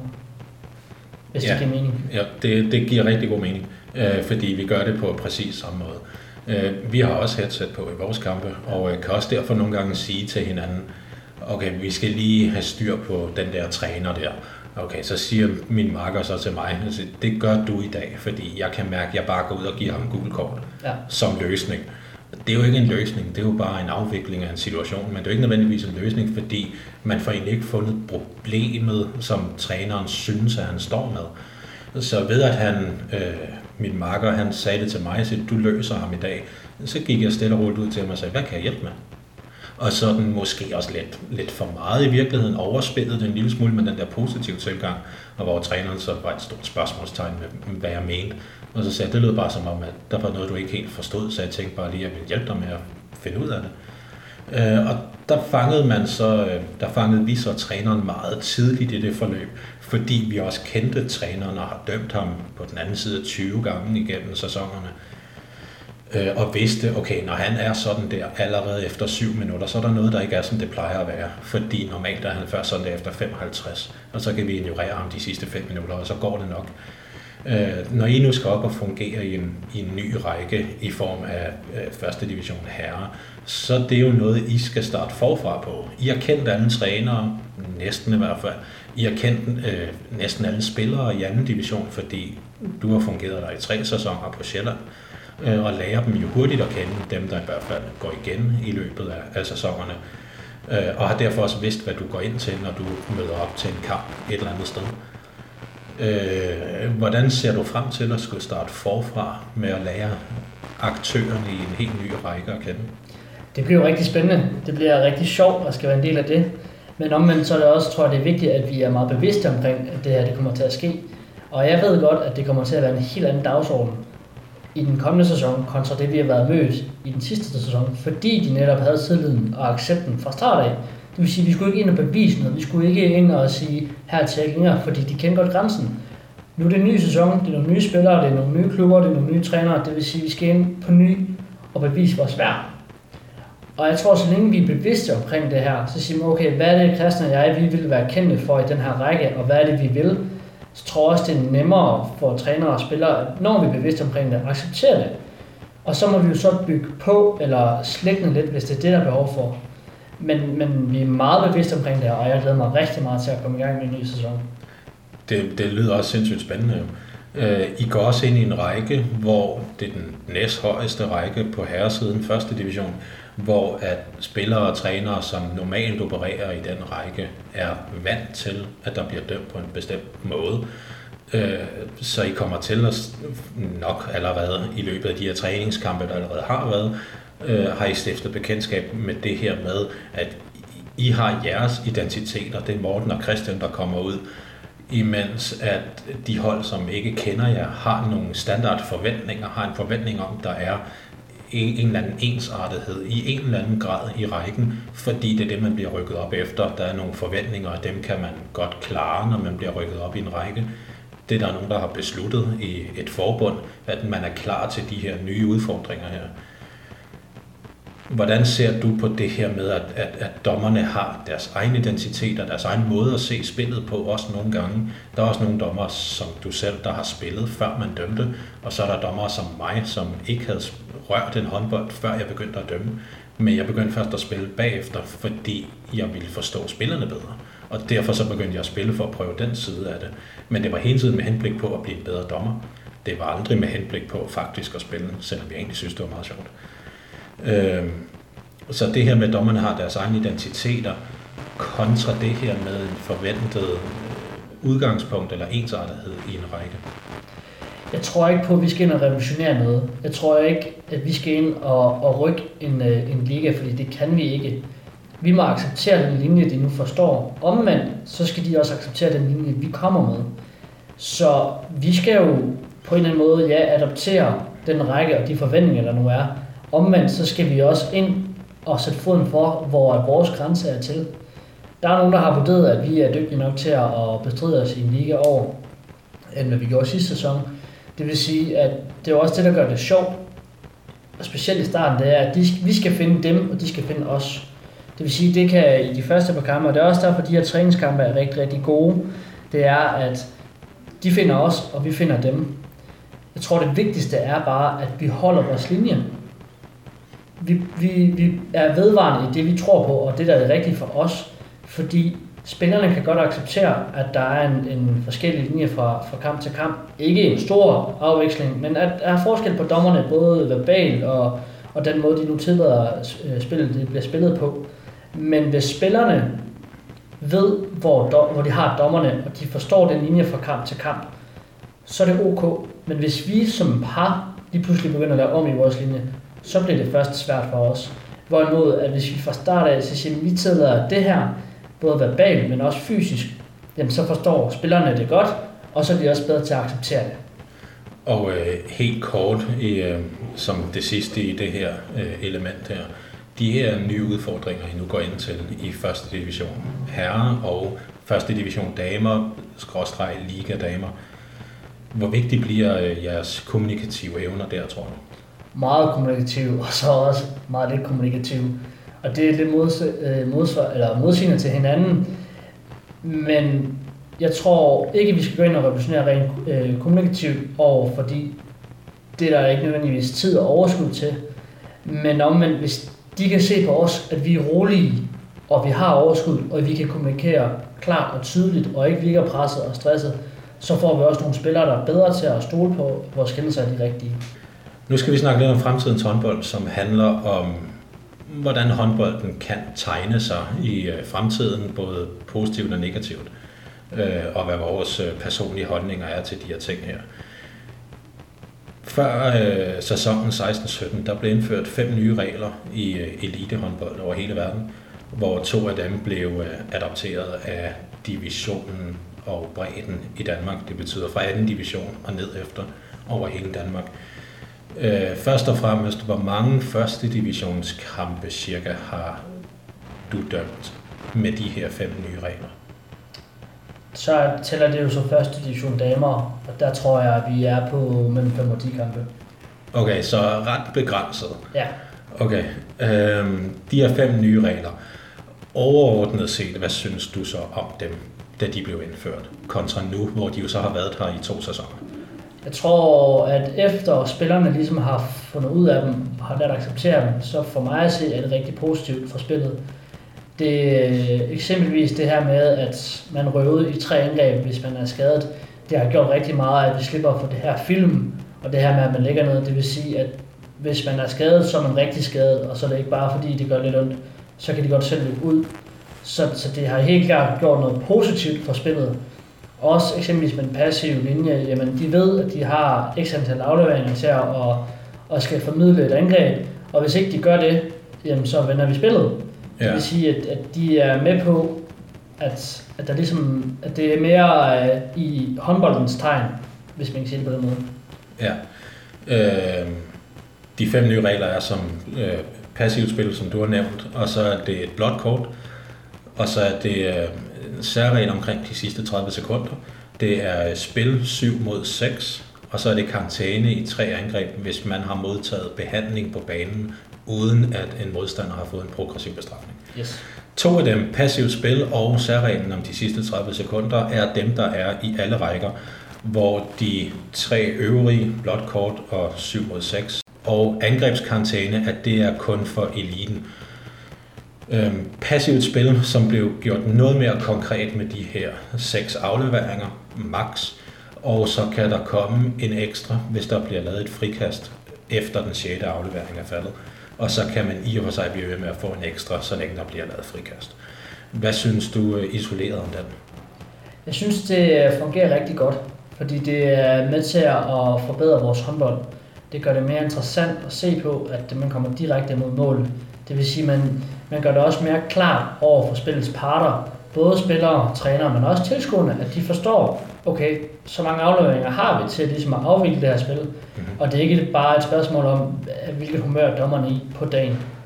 Ja, fordi så er vi tilbage ved den her igen med ensartethed. Det bliver gjort konkret, hvad er et angreb efter der er lavet forvarselstegn som er det her, hvor man står og ligner en politimand med den ene arm op i luften. Øh, at det bliver gjort meget mere konkret at sige, I har maks 6 afleveringer. Men er der i virkeligheden en forventning om, at man har seks afleveringer? Det kræver i hvert fald sit mod at fløjte før de seks afleveringer, fordi spillerne har en forventning om, at man har seks afleveringer. Omvendt, så synes jeg også, at der er et ok accept, hvis man fortæller og siger, ja, I har kun brugt fire afleveringer, men I har jo ikke søgt mod mål. Og dermed så forstår de også godt efter, eller det tog noget tid, men de forstår det bedre nu. Ja, og min erfaring var også op i divisionen, der tog det dem relativt kort tid at finde ud af det her med, jamen hvis man fløjter før de seks afleveringer, så er det også fordi, det er gået for langsomt. Og det ved spillerne også godt. Øh, og så længe man så også gør det, når vi kommer op i den anden ende, så er spillerne sgu langt stykke kan vejen ligeglade med det så kommer debatten bare til at være, hvornår man laver forvarelsestegnet, i stedet for hvad der sker efter. Hvor før der var det jo sådan, at der var nærmest mere debat med hensyn til, hvornår man så faktisk fløjtede den passive kendelse i forhold til, hvornår armen egentlig kom op. Fordi man nogle gange kunne stå med den længere tid op, end man havde den nede i forbindelse med angrebsopbygningen. Øh, har I haft nogen blå kort overhovedet i jeres kamp? Nej. Hvad synes du så om tiltaget? Jeg synes, det er, i og for sig synes jeg, det er et godt tiltag, fordi at det også klargør over for specielt tilskuerne, og måske også nogle af spillerne, jamen hvad er det egentlig, der er blevet dømt, og hvad er det for et rødt kort? Er det med indberetning, eller er det med indberetning? Ja, og det er jo det, det blå kort betyder. Det, øh, det blå kort kommer altid i forlængelse af et direkte rødt kort, og det blå kort viser så, at her der kommer der kommer ikke nødvendigvis en indberetning, men der bliver kigget på den med henblik på en mulig indberetning. Man har altid mulighed for i eliten at trække et blåt kort tilbage. Det vil sige, at i momentet, når jeg giver et blåt kort, jamen så signalerer jeg, at jeg, har, øh, jeg ønsker efter kampen at se nærmere på den her situation, og formentlig også lave en indberetning. Så kan jeg med indberetning skrive, at jeg tog fejl i den her situation, men det betyder bare, at jeg kigger på det her. Og modsat, hvis man bare i gåsøjne viser et rødt kort, men ikke viser et blåt, så kan man ikke tage fat i den bagefter. Så det, hvis man er i tvivl, så er det blå kort vel i virkeligheden det sikre, fordi man har mulighed for at trække den tilbage, så hvis det var forkert. Ja. Så i den forstand, så er det, måske, det blå kort måske mere et show, end det er en reel ændring som sådan. Fordi det, som det blå kort repræsenterer, som jo er indberetningen, det var der jo i forvejen. Enig. Jeg, jeg tror simpelthen, at det er for at, at, ligesom at få alle med på, på spillets parter og forståelse for, hvornår det er og uden indberetning. Det var en måde at visualisere den del af spillet på, hvor der oftest, når man sad ude, uden for banen i hvert fald, var mange spørgsmål forbundet med, var det der eller var det ikke, og sådan nogle ting. Eksempelvis. Men det hører så så til den danske del, fordi det er jo vores danske særregler, der har gjort, at der har været med og uden indberetning. Hvor man kan sige, at en rent internationalt gør det ikke den store forskel, fordi der var det enten med eller uden beretning. Så på den måde, så har det for de danske øjne, med de danske øjne at se, gjort det bredere for alle håndboldtilskuere at se, hvad det egentlig vi dømmer, tror jeg. Det, det tror jeg bestemt også. Det er jo ikke fordi, der bliver kastet om sammen med de blå kort i forvejen. Øh, så jeg tror også, når der kommer et blåt kort, så spidser man også lige ører og fokuserer også lidt ekstra, fordi man ved, okay, det her det er noget ekstraordinært. Særreglen om de sidste 30 sekunder. Vil du ikke prøve kort, lidt kort at forklare, hvad det er, den går ud på?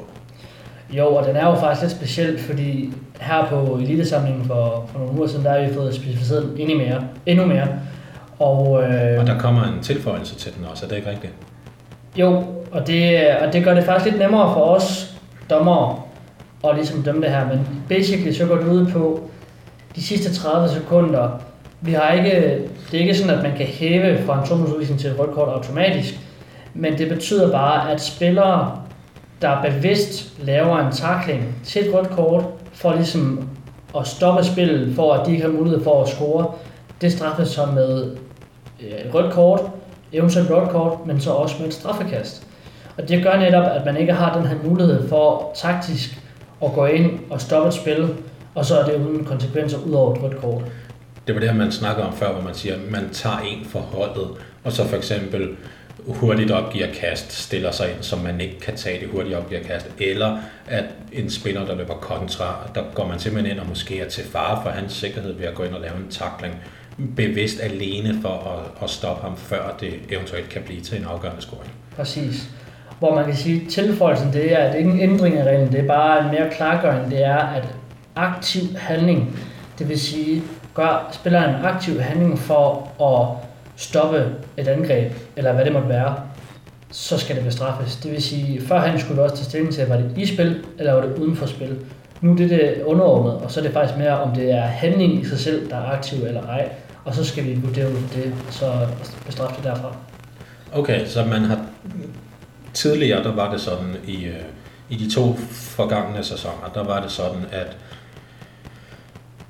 inden for de sidste 30 sekunder, der øh, skulle man egentlig, og det skal man stadigvæk, hvis jeg forstår det rigtigt, man skal i og for sig bestraffe en takling, som man plejer. Hvis den er til to minutter efter halvandet minut, så er den også til to minutter inden for de sidste 30 sekunder. Hvis der kommer, hvis taklingen i sig selv er til direkte rødt kort, så for uden det direkte røde kort kommer der også et automatisk straffekast. Ja. I starten der kunne man vælge, om man ville have straffekast eller om man ville have frikast. Det er langt de fleste af jer snakket med meget enige om. Det er meget godt, at vi gik væk fra det. Og så gjorde det lidt mere forventeligt og lidt mere ensartet. Der er automatisk straffekast. Er der så situationer, nu til den kommende sæson, øh, 18-19, hvor når bolden er ude af spil, og man så forhindrer en hurtig igangsættelse, at der kan gives direkte rødt kort der, selvom der egentlig ikke gør det resten af kampen? Ja, hvis det er, at det er med til at gøre, at du optager en, en oplagt chance. Den fjerde nye regel, der blev indført, er spil 7 mod 6. Det har i og for sig altid været muligt, fordi man har kunnet tage sin øh, keeper ud og sætte en anden spiller ind. Men den her spiller, der så kom ind, skulle jo have målmandens rettigheder, som det så flot hedder. Og derfor have en anden trøjefarve på, end de øvrige spillere på holdet havde på. Og det betød så også, at når, der så, når målmanden skulle skiftes ind igen, så var det den spiller, der var inde på banen med målmandens rettigheder, som skulle være den, der skiftede ud for at lave en korrekt udskiftning. Så det er ikke længere nu en nødvendighed, at en spiller, som er den syvende spiller, har en målmandstrøje på. Hvad synes du om den øh, ændring, der var der? personligt selv synes jeg, det er positivt. Jeg ved, at den, øh, den regel fik rigtig meget negativ omtale i starten, øh, og der var rigtig mange, både trænere og spillere, der var udtalt sig negativt omkring det her. Jeg synes, det er positivt, fordi det, det bringer noget dynamik, og det bringer, at det ikke er afgørende, at den spiller, men man har en facet mere i spillet, det vil sige, at du kan få en fordel af. Omvendt, hvis ikke du er dygtig til at, at, at have den fordel, jamen så koster det også, fordi så kan de bare kaste ned i, i kassen, og så er der mål mod dem. Så det er jo en taktisk vurdering på træneren og fra spillernes side af, okay, øh, stoler vi på, at vi godt kan få den her fordel, og det så ikke går imod os. Så jeg synes bare, det, det bringer noget positivt og noget spændende til, til kampene. Øhm, jeg, jeg er grundlæggende enig. Nu er det jo ikke relevant i de kampe, som, som jeg dømmer som dommer, men når jeg ser håndbold, så er jeg grundlæggende enig i det her med, at der angrebsmæssigt er en ekstra dimension, fordi man har mulighed for at få en ekstra spiller ind, som er lige så god til at være i marken, som de seks, der er der i forvejen, i forhold til, hvis man skal have målmanden med op, der måske ikke altid har den bedste teknik. Øhm, modsat så det her, du også nævner med at kaste ned i et tomt mål, synes jeg jo personligt er umanerligt kedeligt at kigge på. At det, den bare bliver kastet ned i tomt mål, og så kan alle i angrebet egentlig stille og roligt trippe op til midten, imens en eller anden henter bolden. Øh, kan du se den pointe med, at det bliver lidt lette scoringer, der kommer, fordi at det ikke bliver reelt kontraspil, men det bliver bare et kast op mod et topmål? Det, det kan jeg bestemt godt, men omvendt så stiller det også bare ekstra krav til det hold, der nu vælger at spille 7 mod 6. Det vil sige, at det ikke er halve afleveringer eller halve skud, man udfører. Det er simpelthen 100%. Og det, det stiller også yderligere større krav til spillerne, hvilket jeg jo synes er, er positivt, fordi man netop er nødt til at gå 100%. Du kan ikke gå halvt ind, fordi så ved du, så ligger den nede den anden ende. Det vil sige, at når en spiller går på en chance, så er det 100%. Fordi ellers så koster det, og det ved de godt. Så i din optik, de, der, der er jo selvfølgelig der fordele og ulemper ved alle regelændringer og alle ændringer generelt, man laver. Synes du, at fordelene ved det her med spil 7 mod 6 reglen er større end ulemperne? Jeg synes klart, der er flere fordele end, end ulemper, ja. Og man kan sige, at med tiden så har spillerne jo også, og trænerne lært at adaptere til det her. Det vil sige, at der er en god accept, og det bliver jo brugt i højeste grad. Nok mere ved udvisninger for at komme, komme af, af antal, men, men stadig også for at få den her overtal i spil. Og jeg, øh, jeg synes kun, det øh, bringer spillet noget positivt. Når man så står i den her situation med, at der kommer den syvende spiller ind, lad os sige det, uden der er udvisninger i gang, så man er overtalt med en spiller, den spiller, der kommer ind, vil jo oftest i hvert fald blive placeret inde som en ekstra drejspiller til at lave øh, rum til gennembrud og lignende. Øh, har det givet os som dommer en øh, simpelthen mere arbejde at lave, at der nu står to stregspillere derinde i stedet for kun én? Altså man kan sige, det, det kommer jo igen an på, hvad man har internt af regler i parne. Min marker og jeg, vi har en regel om, at den stregspiller, der står nærmest en, er den, man har fokus på. Så ja, det giver en ekstra dimension for, for øh, os som dommer, fordi man netop skal have fokus. Man kan jo ikke have fokus to steder, det giver jo sig selv. Så det giver netop det, at, at vi internt parret har aftalt, at, øh, at den ene har fokus på den ene spiller, og den anden har fokus på den anden. Det er den ene ting, men det gør også, at vi skal være opmærksom på, at spillerne jo hurtigt skal ud for, at man kan komme ind igen. Så vi bruger også meget aktivt, at vi står modsat af, hvor øh, bænken er, netop for ikke at komme i kampolage med, med målmænd eller spillere, der er på vej ud. Så det giver nogle ekstra opgaver, det gør det helt klart. Jeg kan forestille mig, hvis man som dommer kommer til at trippe en spiller, der er på vej ud, eller en målmand, der er på vej ind, fordi man får placeret så dårligt placeringsmæssigt, så er der nok skideballer i luften, kunne jeg forestille mig.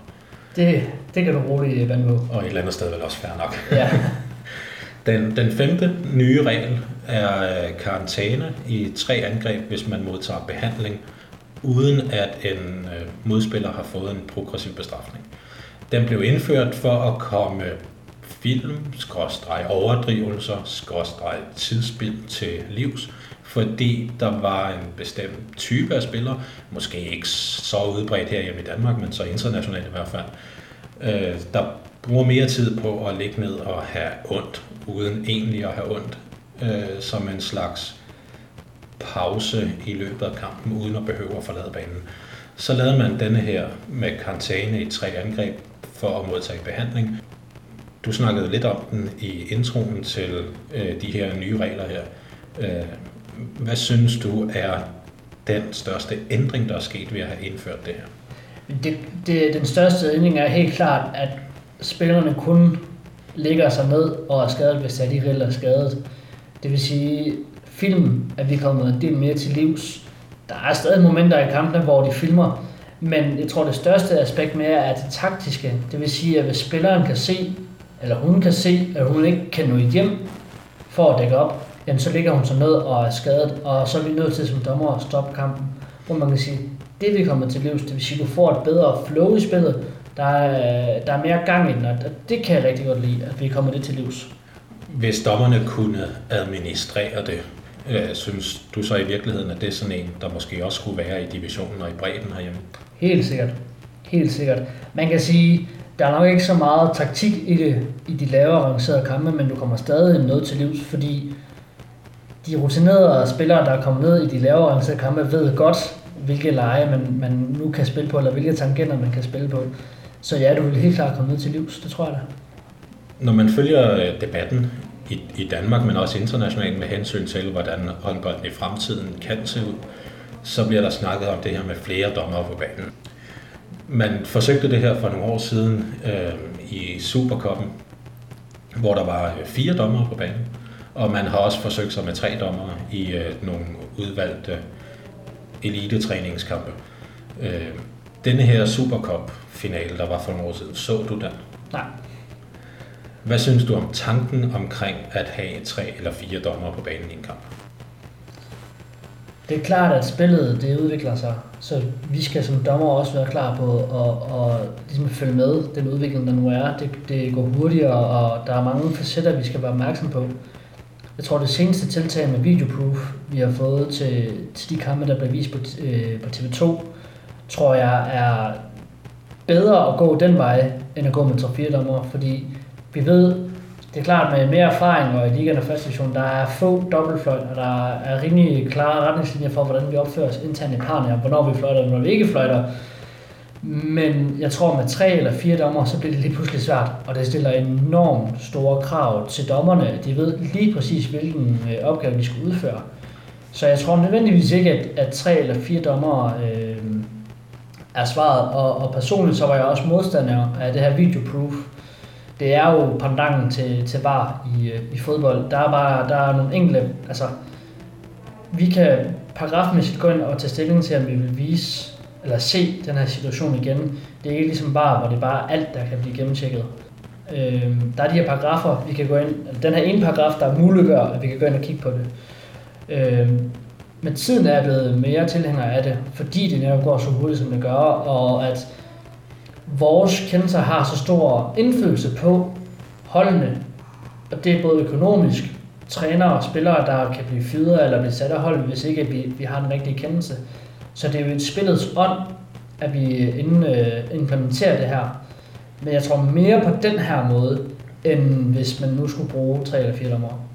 Og i virkeligheden så også det her med at gå ind og sørge for, at de to dommere, der er på banen, øh, kan træffe flere rigtige beslutninger så hurtigt som overhovedet muligt. At så give dem nogle værktøjer til at gøre det, i stedet for at forsøge sig på øh, for eksempel flere dommere, eller at man at der skal være færre forsvarsspillere, eller målene skal være større, eller nogle af de her andre ting, som man har hørt foreslået.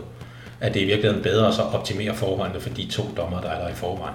Det mener jeg bestemt. Også fordi jeg tror, hvis, hvis vi har seks øjne, eller vi har otte øjne, det kan skabe mere forvirring, end det kan skabe gavn. Det kan være svært nok for fire øjne i sig selv, at få den rigtige kendelse.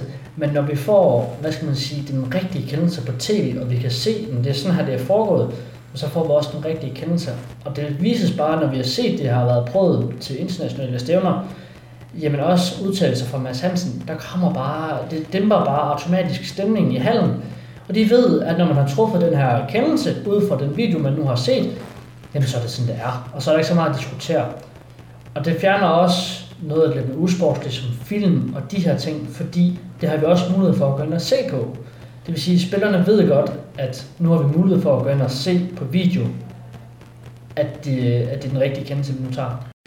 Så i virkeligheden ved at indføre videoproof, så indfører man det lige så meget på grund af det præventive, fordi spillerne nu ved, at jamen, jeg kan ikke lave de her unoder, som jeg måske har tendens til at gøre, fordi så bliver det fanget på videoen. Lige så meget som at man indfører det for at gå ind og finde de kendelser med det, som der faktisk er foregået. Jeg tror først og fremmest, så er man mest interesseret i at få den rigtige kendelse. Men der er der ingen tvivl om, at det også planter sig i spillernes hoved, at nu har man mulighed for at gå ind og se det på video igen. Til lille samling, der havde vi øh, fornøjelsen af at have Thomas Klitgaard til at stå og snakke øh, og vise nogle klip, hvor vi netop snakker omkring de her situationer, hvor at nogle af de situationer, som forekom i ligaen i den daværende sæson, nok ikke ville være forekommet, hvis man har muligheden for, eller som vi nu har, at gå ind og, og anvende videoproof. Så jeg tror, det, det, det planter sig i spillernes hoved, at de ikke har mulighed for at gøre det ting, men så det gør det også nemmere for os. Men først og fremmest, så tror jeg, det er vigtigst at fremhæve, det, det er den rigtige kendelse, vi er interesseret i at få. Ja, så fremtidens håndbold med hensyn til dommerne handler om at optimere muligheden for kampens to dommer at finde den rigtige kendelse, i stedet for at finde ud af, hvordan man kan gøre alle mulige andre ting. Exakt. Og det, det er også, altså man siger, det går så hurtigt i dag, og det er bare en erkendelse af, at vi ikke kan se det hele, og det er jo også fair nok, fordi det går så hurtigt, der er så mange ting, vi skal være opmærksom på.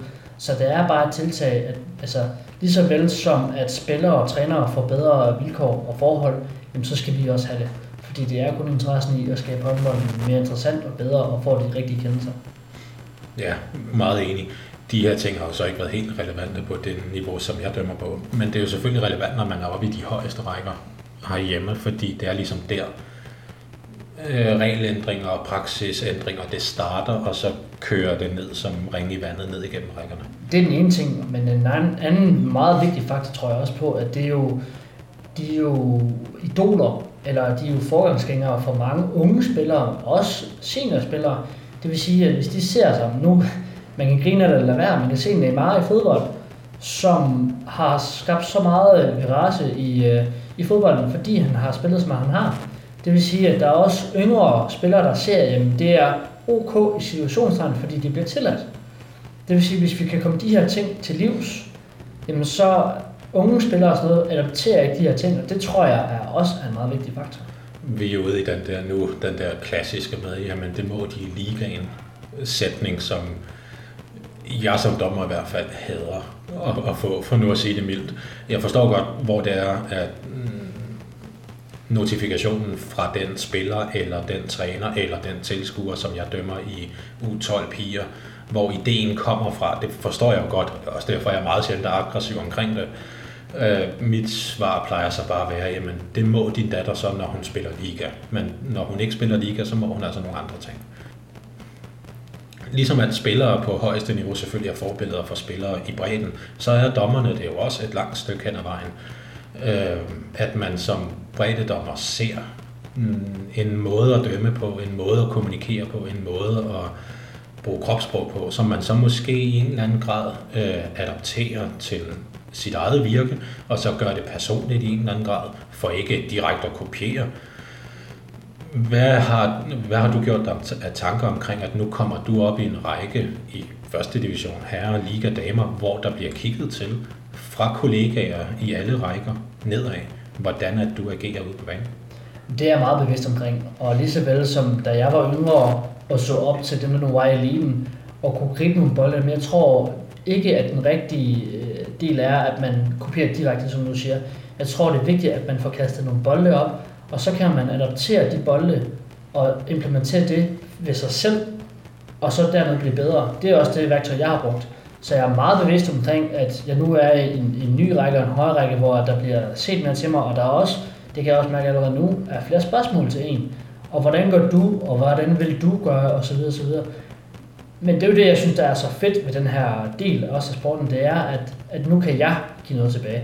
Jeg er langt fra i mål, fordi man lærer hver dag, og man lærer hver kamp. Så det er ikke fordi, at jeg har svaret nødvendigvis, og det kan være forskelligt fra kamp til kamp skal også huske på, at der er en tilgang til det i eliten, og en anden gang, tilgang til det i bredden. Men hvis jeg bare kan give lidt tilbage til nogle af mine kollegaer, så vil jeg være enormt stolt og enormt glad for at kunne gøre det. Så hvis du skulle komme med et råd til nye dommere, uanset alder, hvad, hvad skulle det så være? Se en masse håndboldkampe og komme ud og bruge en masse tid på at se sine kollegaer, og så prøve tingene af. Det kan godt være, at man ser en dommer gøre noget, og det så virker for ham, men det er ikke sikkert, at det virker for en selv. Man kommer ud og prøver nogle ting af, og så kan det godt være, at man får et rap over nallerne, men i den sidste ende, så tror jeg, at det er det, der er med til at gøre, om man, hvis man har lyst til at komme hele vejen, så også går hele vejen. Fordi hvis man er villig til at indstille på at lære hele vejen, så kommer man også hele vejen. Mit øh, råd til nye dommer, og i parentes kan jeg nævnes det for at undgå, at jeg siger det samme hver gang. Øh, mit råd er faktisk meget sideløbende med det, som du lige har sagt. Det er kig på, hvad dine kollegaer gør i forskellige rækker. Både den række, som du opererer i, men også højere, men også lavere. Find ud af, når du kigger ind på kampen udefra, den der, den løste han godt, den der konflikt. Hvordan gjorde han det? Og så kig på de her bolde her, og så gør det personligt for dig, hvordan du så bruger det, når det er, at du så er ude i en lignende situation i dine kampe. Og så tror jeg, det er meget vigtigt, hvis jeg må tilføje, det er, at man, man, man vedholder den åbne dialog. Det vil sige, at man tager snakkene. Ikke at man skal sige, du gjorde forkert, og du gjorde sådan og sådan, men man går ind, og så spørger man til dem, okay, i den situation, der gjorde du sådan og sådan, hvorfor gjorde du det? Og, og det har jeg brugt meget personligt, og det indstiller også til, at der er mange af mine kollegaer, der gør, det er, at man kommer ind i omklædningsrummet, fordi jeg, jeg oplever kun, at der er en åben dør for alle kollegaer. Både for nogle af trænere og spillere ikke velkommen i omklædningsrummet, hvilket er helt fair, men jeg er helt klart den opvisning, at for dommerkollegaer, så er der altid en åben dør. Det vil sige, at vi er altid villige til at lære hinanden og fortælle, så vi kan blive bedre som dommer og som kollegaer, og bare for håndboldens skyld. Hvad synes du er det bedste ved at være dommer? Det er helt klart, at jeg er en del af den sport, jeg nu elsker. Nu kommer jeg ikke selv til top som spiller, men nu kan jeg være en del af eliten for de bedste spillere, og jeg kan få lov til at være en del af eliten, og det synes jeg helt klart er fantastisk. Og så samtidig så har jeg en masse fantastiske kollegaer, jeg kan komme ud og, og være social med. For mig der er selvfølgelig flere ting, som, som der er det bedste ved at være dommer. En af dem er klart, når man står på midten efter kampen og skal sige tak for kampen. Øh, det ene hold står klart, og det andet er måske på vej. De er ikke så hurtige af en eller anden grund. Øh, og at man så lige har de der to-tre sekunder til lige at snakke med den spiller, der står forrest. Og den spiller er på det tabende hold, og så kigger på dig og siger, godt dømt mig det er der, man ved, altså han, han, spilleren, der lige har tabt, har ikke haft mulighed for at evaluere på kampen, men nu op i hovedet, fordi den har været færdig i noget, der minder om 15 sekunder. Men at spillerens umiddelbare reaktion, det er, at man har dømt godt, selvom vedkommende har tabt. Så har man dømt godt. Og det synes jeg er noget af det mest bekræftende, som man kan blive udsat for som dommer. Jeg er meget enig. Jeg er meget enig. Den modsatte side af den mønt er selvfølgelig, hvad synes du er det mest udfordrende ved at være dommer? Jeg tror, i starten var det netop det her, som jeg også har drøftet før, det med, at det ikke er den personlige del, de angriber, men det er den, det virke, man nu er i som dommer. Det tror jeg var det sværeste for mig, eller det mest udfordrende til at starte med. Nu øh, er det nogle andre parametre, der er ligesom er udfordrende. Altså man, man kommer i en række, hvor at man lige pludselig har stor indflydelse på spilleres private liv også. Og det lyder skørt at sige, men man, man kan have indflydelse på, om de nu spiller på, øh, på hold, og, om, eller om de bliver fyret. Så, så det er lige pludselig udfordrende, at man ved, at der er nogle andre konsekvenser og nogle andre parametre, de ligesom går ind til med.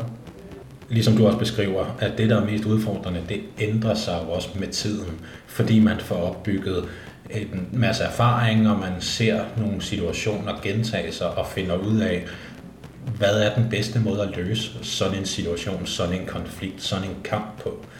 Så derfor så det, der er mest udfordrende, vil også ændre sig med tiden i forhold til ens erfaring og hvilken række man ligger i. For mig i dag, hvis jeg skulle tage det, som jeg går ind til den kommende sæson med, som er det mest udfordrende, så er det, hvis jeg har lavet en fejl, som jeg godt ved, det der, det var forkert dømt. Så kan jeg finde på i kampens næste 5-7 minutter at blive ved med at analysere på den situation, hvad gjorde jeg forkert, hvordan kan jeg løse det, hvordan slipper jeg for den situation i fremtiden, og hvordan samler jeg kampen op herfra og kommer tilbage på sporet i forhold til at løse kampen. Men i løbet af de 5-7 minutter kan jeg jo så lave 3, 4, 5 fejl mere af samme kaliber, og nogle gange måske endda også større, fordi det så eskalerer.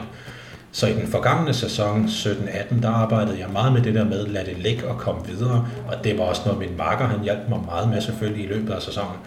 Øh, for mig er det stadig den største udfordring. Det er det der med, lad en dårlig situation ligge, og så tage den bagefter. I forbindelse med, at du dømmer, øh, har du nogle ritualer? Masser. Altså, jeg vil faktisk også snakke med min makker for ligesom at få ridset de her ritualer op. Og det, det er meget sjovt, men vi er jo de her vanemennesker og vanedyr, hvad man skal sige. For mig er det vigtigt, at jeg er afslappet, og jeg er, øh, er klar mentalt. Det vil sige, at hvis jeg har haft en stressende dag, så kan det være rart for mig lige at komme hjem og sove en halv time. Det skal ikke være lang tid, men jeg lige får koblet af. Noget, som jeg ellers bruger, det er meget det med at høre musik. Det bruger jeg rigtig meget. Hvis jeg ved, at det er en rigtig vigtig kamp, jamen, så er jeg måske kommet ned til vandet. Det er der, jeg slapper af. Og finde de her steder, for, for mig er det at finde de her steder, hvor jeg slapper af og mentalt kan forberede mig. Øh, igen til den her lille samling, der er sådan, Is Your Light On? Vi havde en, en meget spændende foredragsholder, der sagde Is Your Light On? Og øh, det tror jeg er vigtigt, at man er i sit mentale game, og det kommer jeg blandt andet ved at komme ned til vandet eller sove, øh, afhængig af hvad det tillader af tiden. Men ellers høre musik inden kampstart. Det, jeg griner af det i starten, men, men når jeg kommer hen til, til hallerne, så hører jeg musik. Og det er noget bestemt musik, øh, og det fungerer rigtig godt for mig. Ja, vi har de samme ritualer, og det tror jeg også er vigtigt. Det er også et råd til, til kommende øh, nye dommer. Det er at få styr på de her formalia inden. Det vil sige, at man internt i parerne ved, at okay, han tager sig af målene, eller han tager sig af boldene, eller han tager sig af de her forskellige ting, fordi tingene skal gøres. Men hvis der er uklarhed omkring, hvem der skal gøre de her ting, jamen så skaber det måske mere forvirring, end det skaber gavn mod, hvis man ved fra start af, jamen godt, jeg gør sådan, min makker gør sådan, så er der bare klarhed omkring det, og så skal man ikke til at spekulere over det. Der ved Christian også, at han har styr på headsettet, og han har styr på tiden i vores par, og så har jeg styr på, på musik, og jeg har styr på de andre forhold, øh, og nøgle eksempelvis. Det virker så banalt, men, men det er det, der egentlig gør, at, vores ritualer de egentlig fortsætter, og vi har det godt, vi har en god dynamik i parret, det er, at vi kender vores plads, vi ved præcis, hvor godt jeg sætter musik på, når vi kommer ind i omklædningsrummet. Jeg har nøglen og alle de her ting. Og vi går ud et kvarter fra kampstart, fordi så skal vi headset på. Vi har de her faste ritualer, og det gør også, at man, tror jeg, er kommet rigtig godt fra start af. Det her, når man så øh, dømmer i første division, så er der jo øh, teknisk møde. Hvordan øh, passer det ind i de kampforberedelser, som I har på kampdagen? Altså man sige, i starten var det svært for mig, fordi at man havde så lang tid, så det krævede også bagefter, at man mentalt skulle holde sig klar i så lang tid. Nu er det blevet en del af, af kampen, det vil sige, at så går vi en tur, snakker omkring spillerne og trænerne, når vi går en tur, øh, drikker en kop kaffe og sådan ting. Så, så det er blevet en del af vores forberedelse nu, for nu ved vi, at det skal være. Men i starten, så var det svært for mig. Det vil jeg gerne erkende, fordi at man netop skulle være der så lang tid, og man mentalt skulle være så klar i så lang tid. Nu tror jeg bare, at vi perioden op til kampen er mere uklar, og når, men vi ved, at når der præcis er en time, så skal vi gå ind og så videre. Og vi ved også, når der er en halv, altså når der er en halv time, så er vi også ude at varme op. Når der er et kvarter, så går vi ind og får headset på, og så videre, og så videre, og så videre. Så det har bare skubbet sig lidt, tror jeg. Ja, så der er, bare, der er kommet lidt tilføjelser, men det har i og for sig ikke ændret sig. Nej. Hvilket vel også er derfor, man lægger det tekniske møde på det tidspunkt, som man gør i forhold til kampstart. Det tror jeg også. Så både spillere og dommere har mulighed for at gøre det, som de plejer at gøre. Præcis, og så er der også det aspekt, man siger, der er jo så lige det, der er forskel på, når vi har første division damer og første division herrer. Fordi første division damer, der skal vi selv have de her tekniske møder, fordi der er ikke observatør på. Det vil sige, at her skal vi mentalt også sikre os, at alt det nu er, fordi det er vores ansvar, at der er styr på alle ting. Det er lige fra timeout-kort til, at der er de rigtige stole øh, ved rødt kort osv., hvor ved, ved herrene, jamen der er der en observatør til at holde styr på alt det her. Det vil sige, at vi kan have 110% fokus kun på kampen. Og det er jo også den respekt, vi skal til at forberede os på nu. Ja, at ansvaret, at ansvaret for den her periode op til kampstart, at den lige pludselig ikke kun er jeres mere?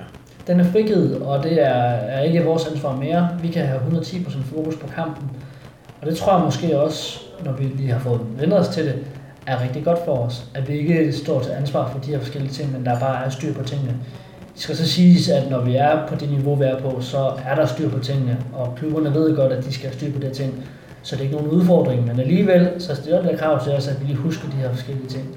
Jeg antager, det er sjældent, at klubberne på det niveau er i tvivl om, hvilken farver de spiller i. Det er jo en del af det tekniske møde, det, det ved de fra start af. De ved også, at de skal, skal have tingene med og, og klar fra start af. Ja. Jeg har også en del ritualer, som jeg øh, udfører både dagen før kampen, men også på dagen. Musik er også en, en stor del af det, øh, og den samme playliste hver gang, som er lavet til i forbindelse med øh, min dommergærning, når jeg er ude i omklædningsrummet før kampstart. Men det er også med hensyn til, hvilken rækkefølge jeg tager tøjet på. Der kan man sige, at noget af det giver meget god mening. Det ser ikke så godt ud at tage underbukserne på efter shortsene for eksempel. Men hvilken rækkefølge med strømperne, med uret og sådan nogle ting, svedbånd, fløjter.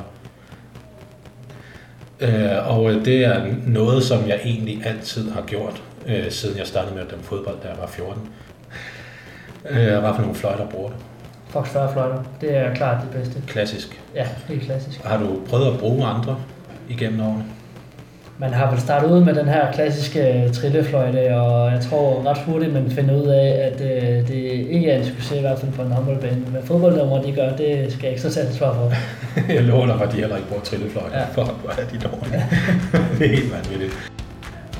Og her til sidst er der jo så kun én ting at sige, og det er tak fordi du gerne vil være med, Rani. Tak fordi jeg måtte være med. Det har været sjovt. Og øhm, jeg håber, du vil være med en anden gang også. Meget gerne. Tak for i dag.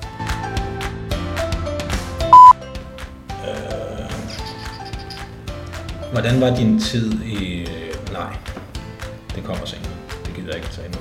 Jeg tager forskud på tingene. Det var meget forvirrende formuleret, var det ikke? Oh, lidt. Det var det må kunne gøres nemt.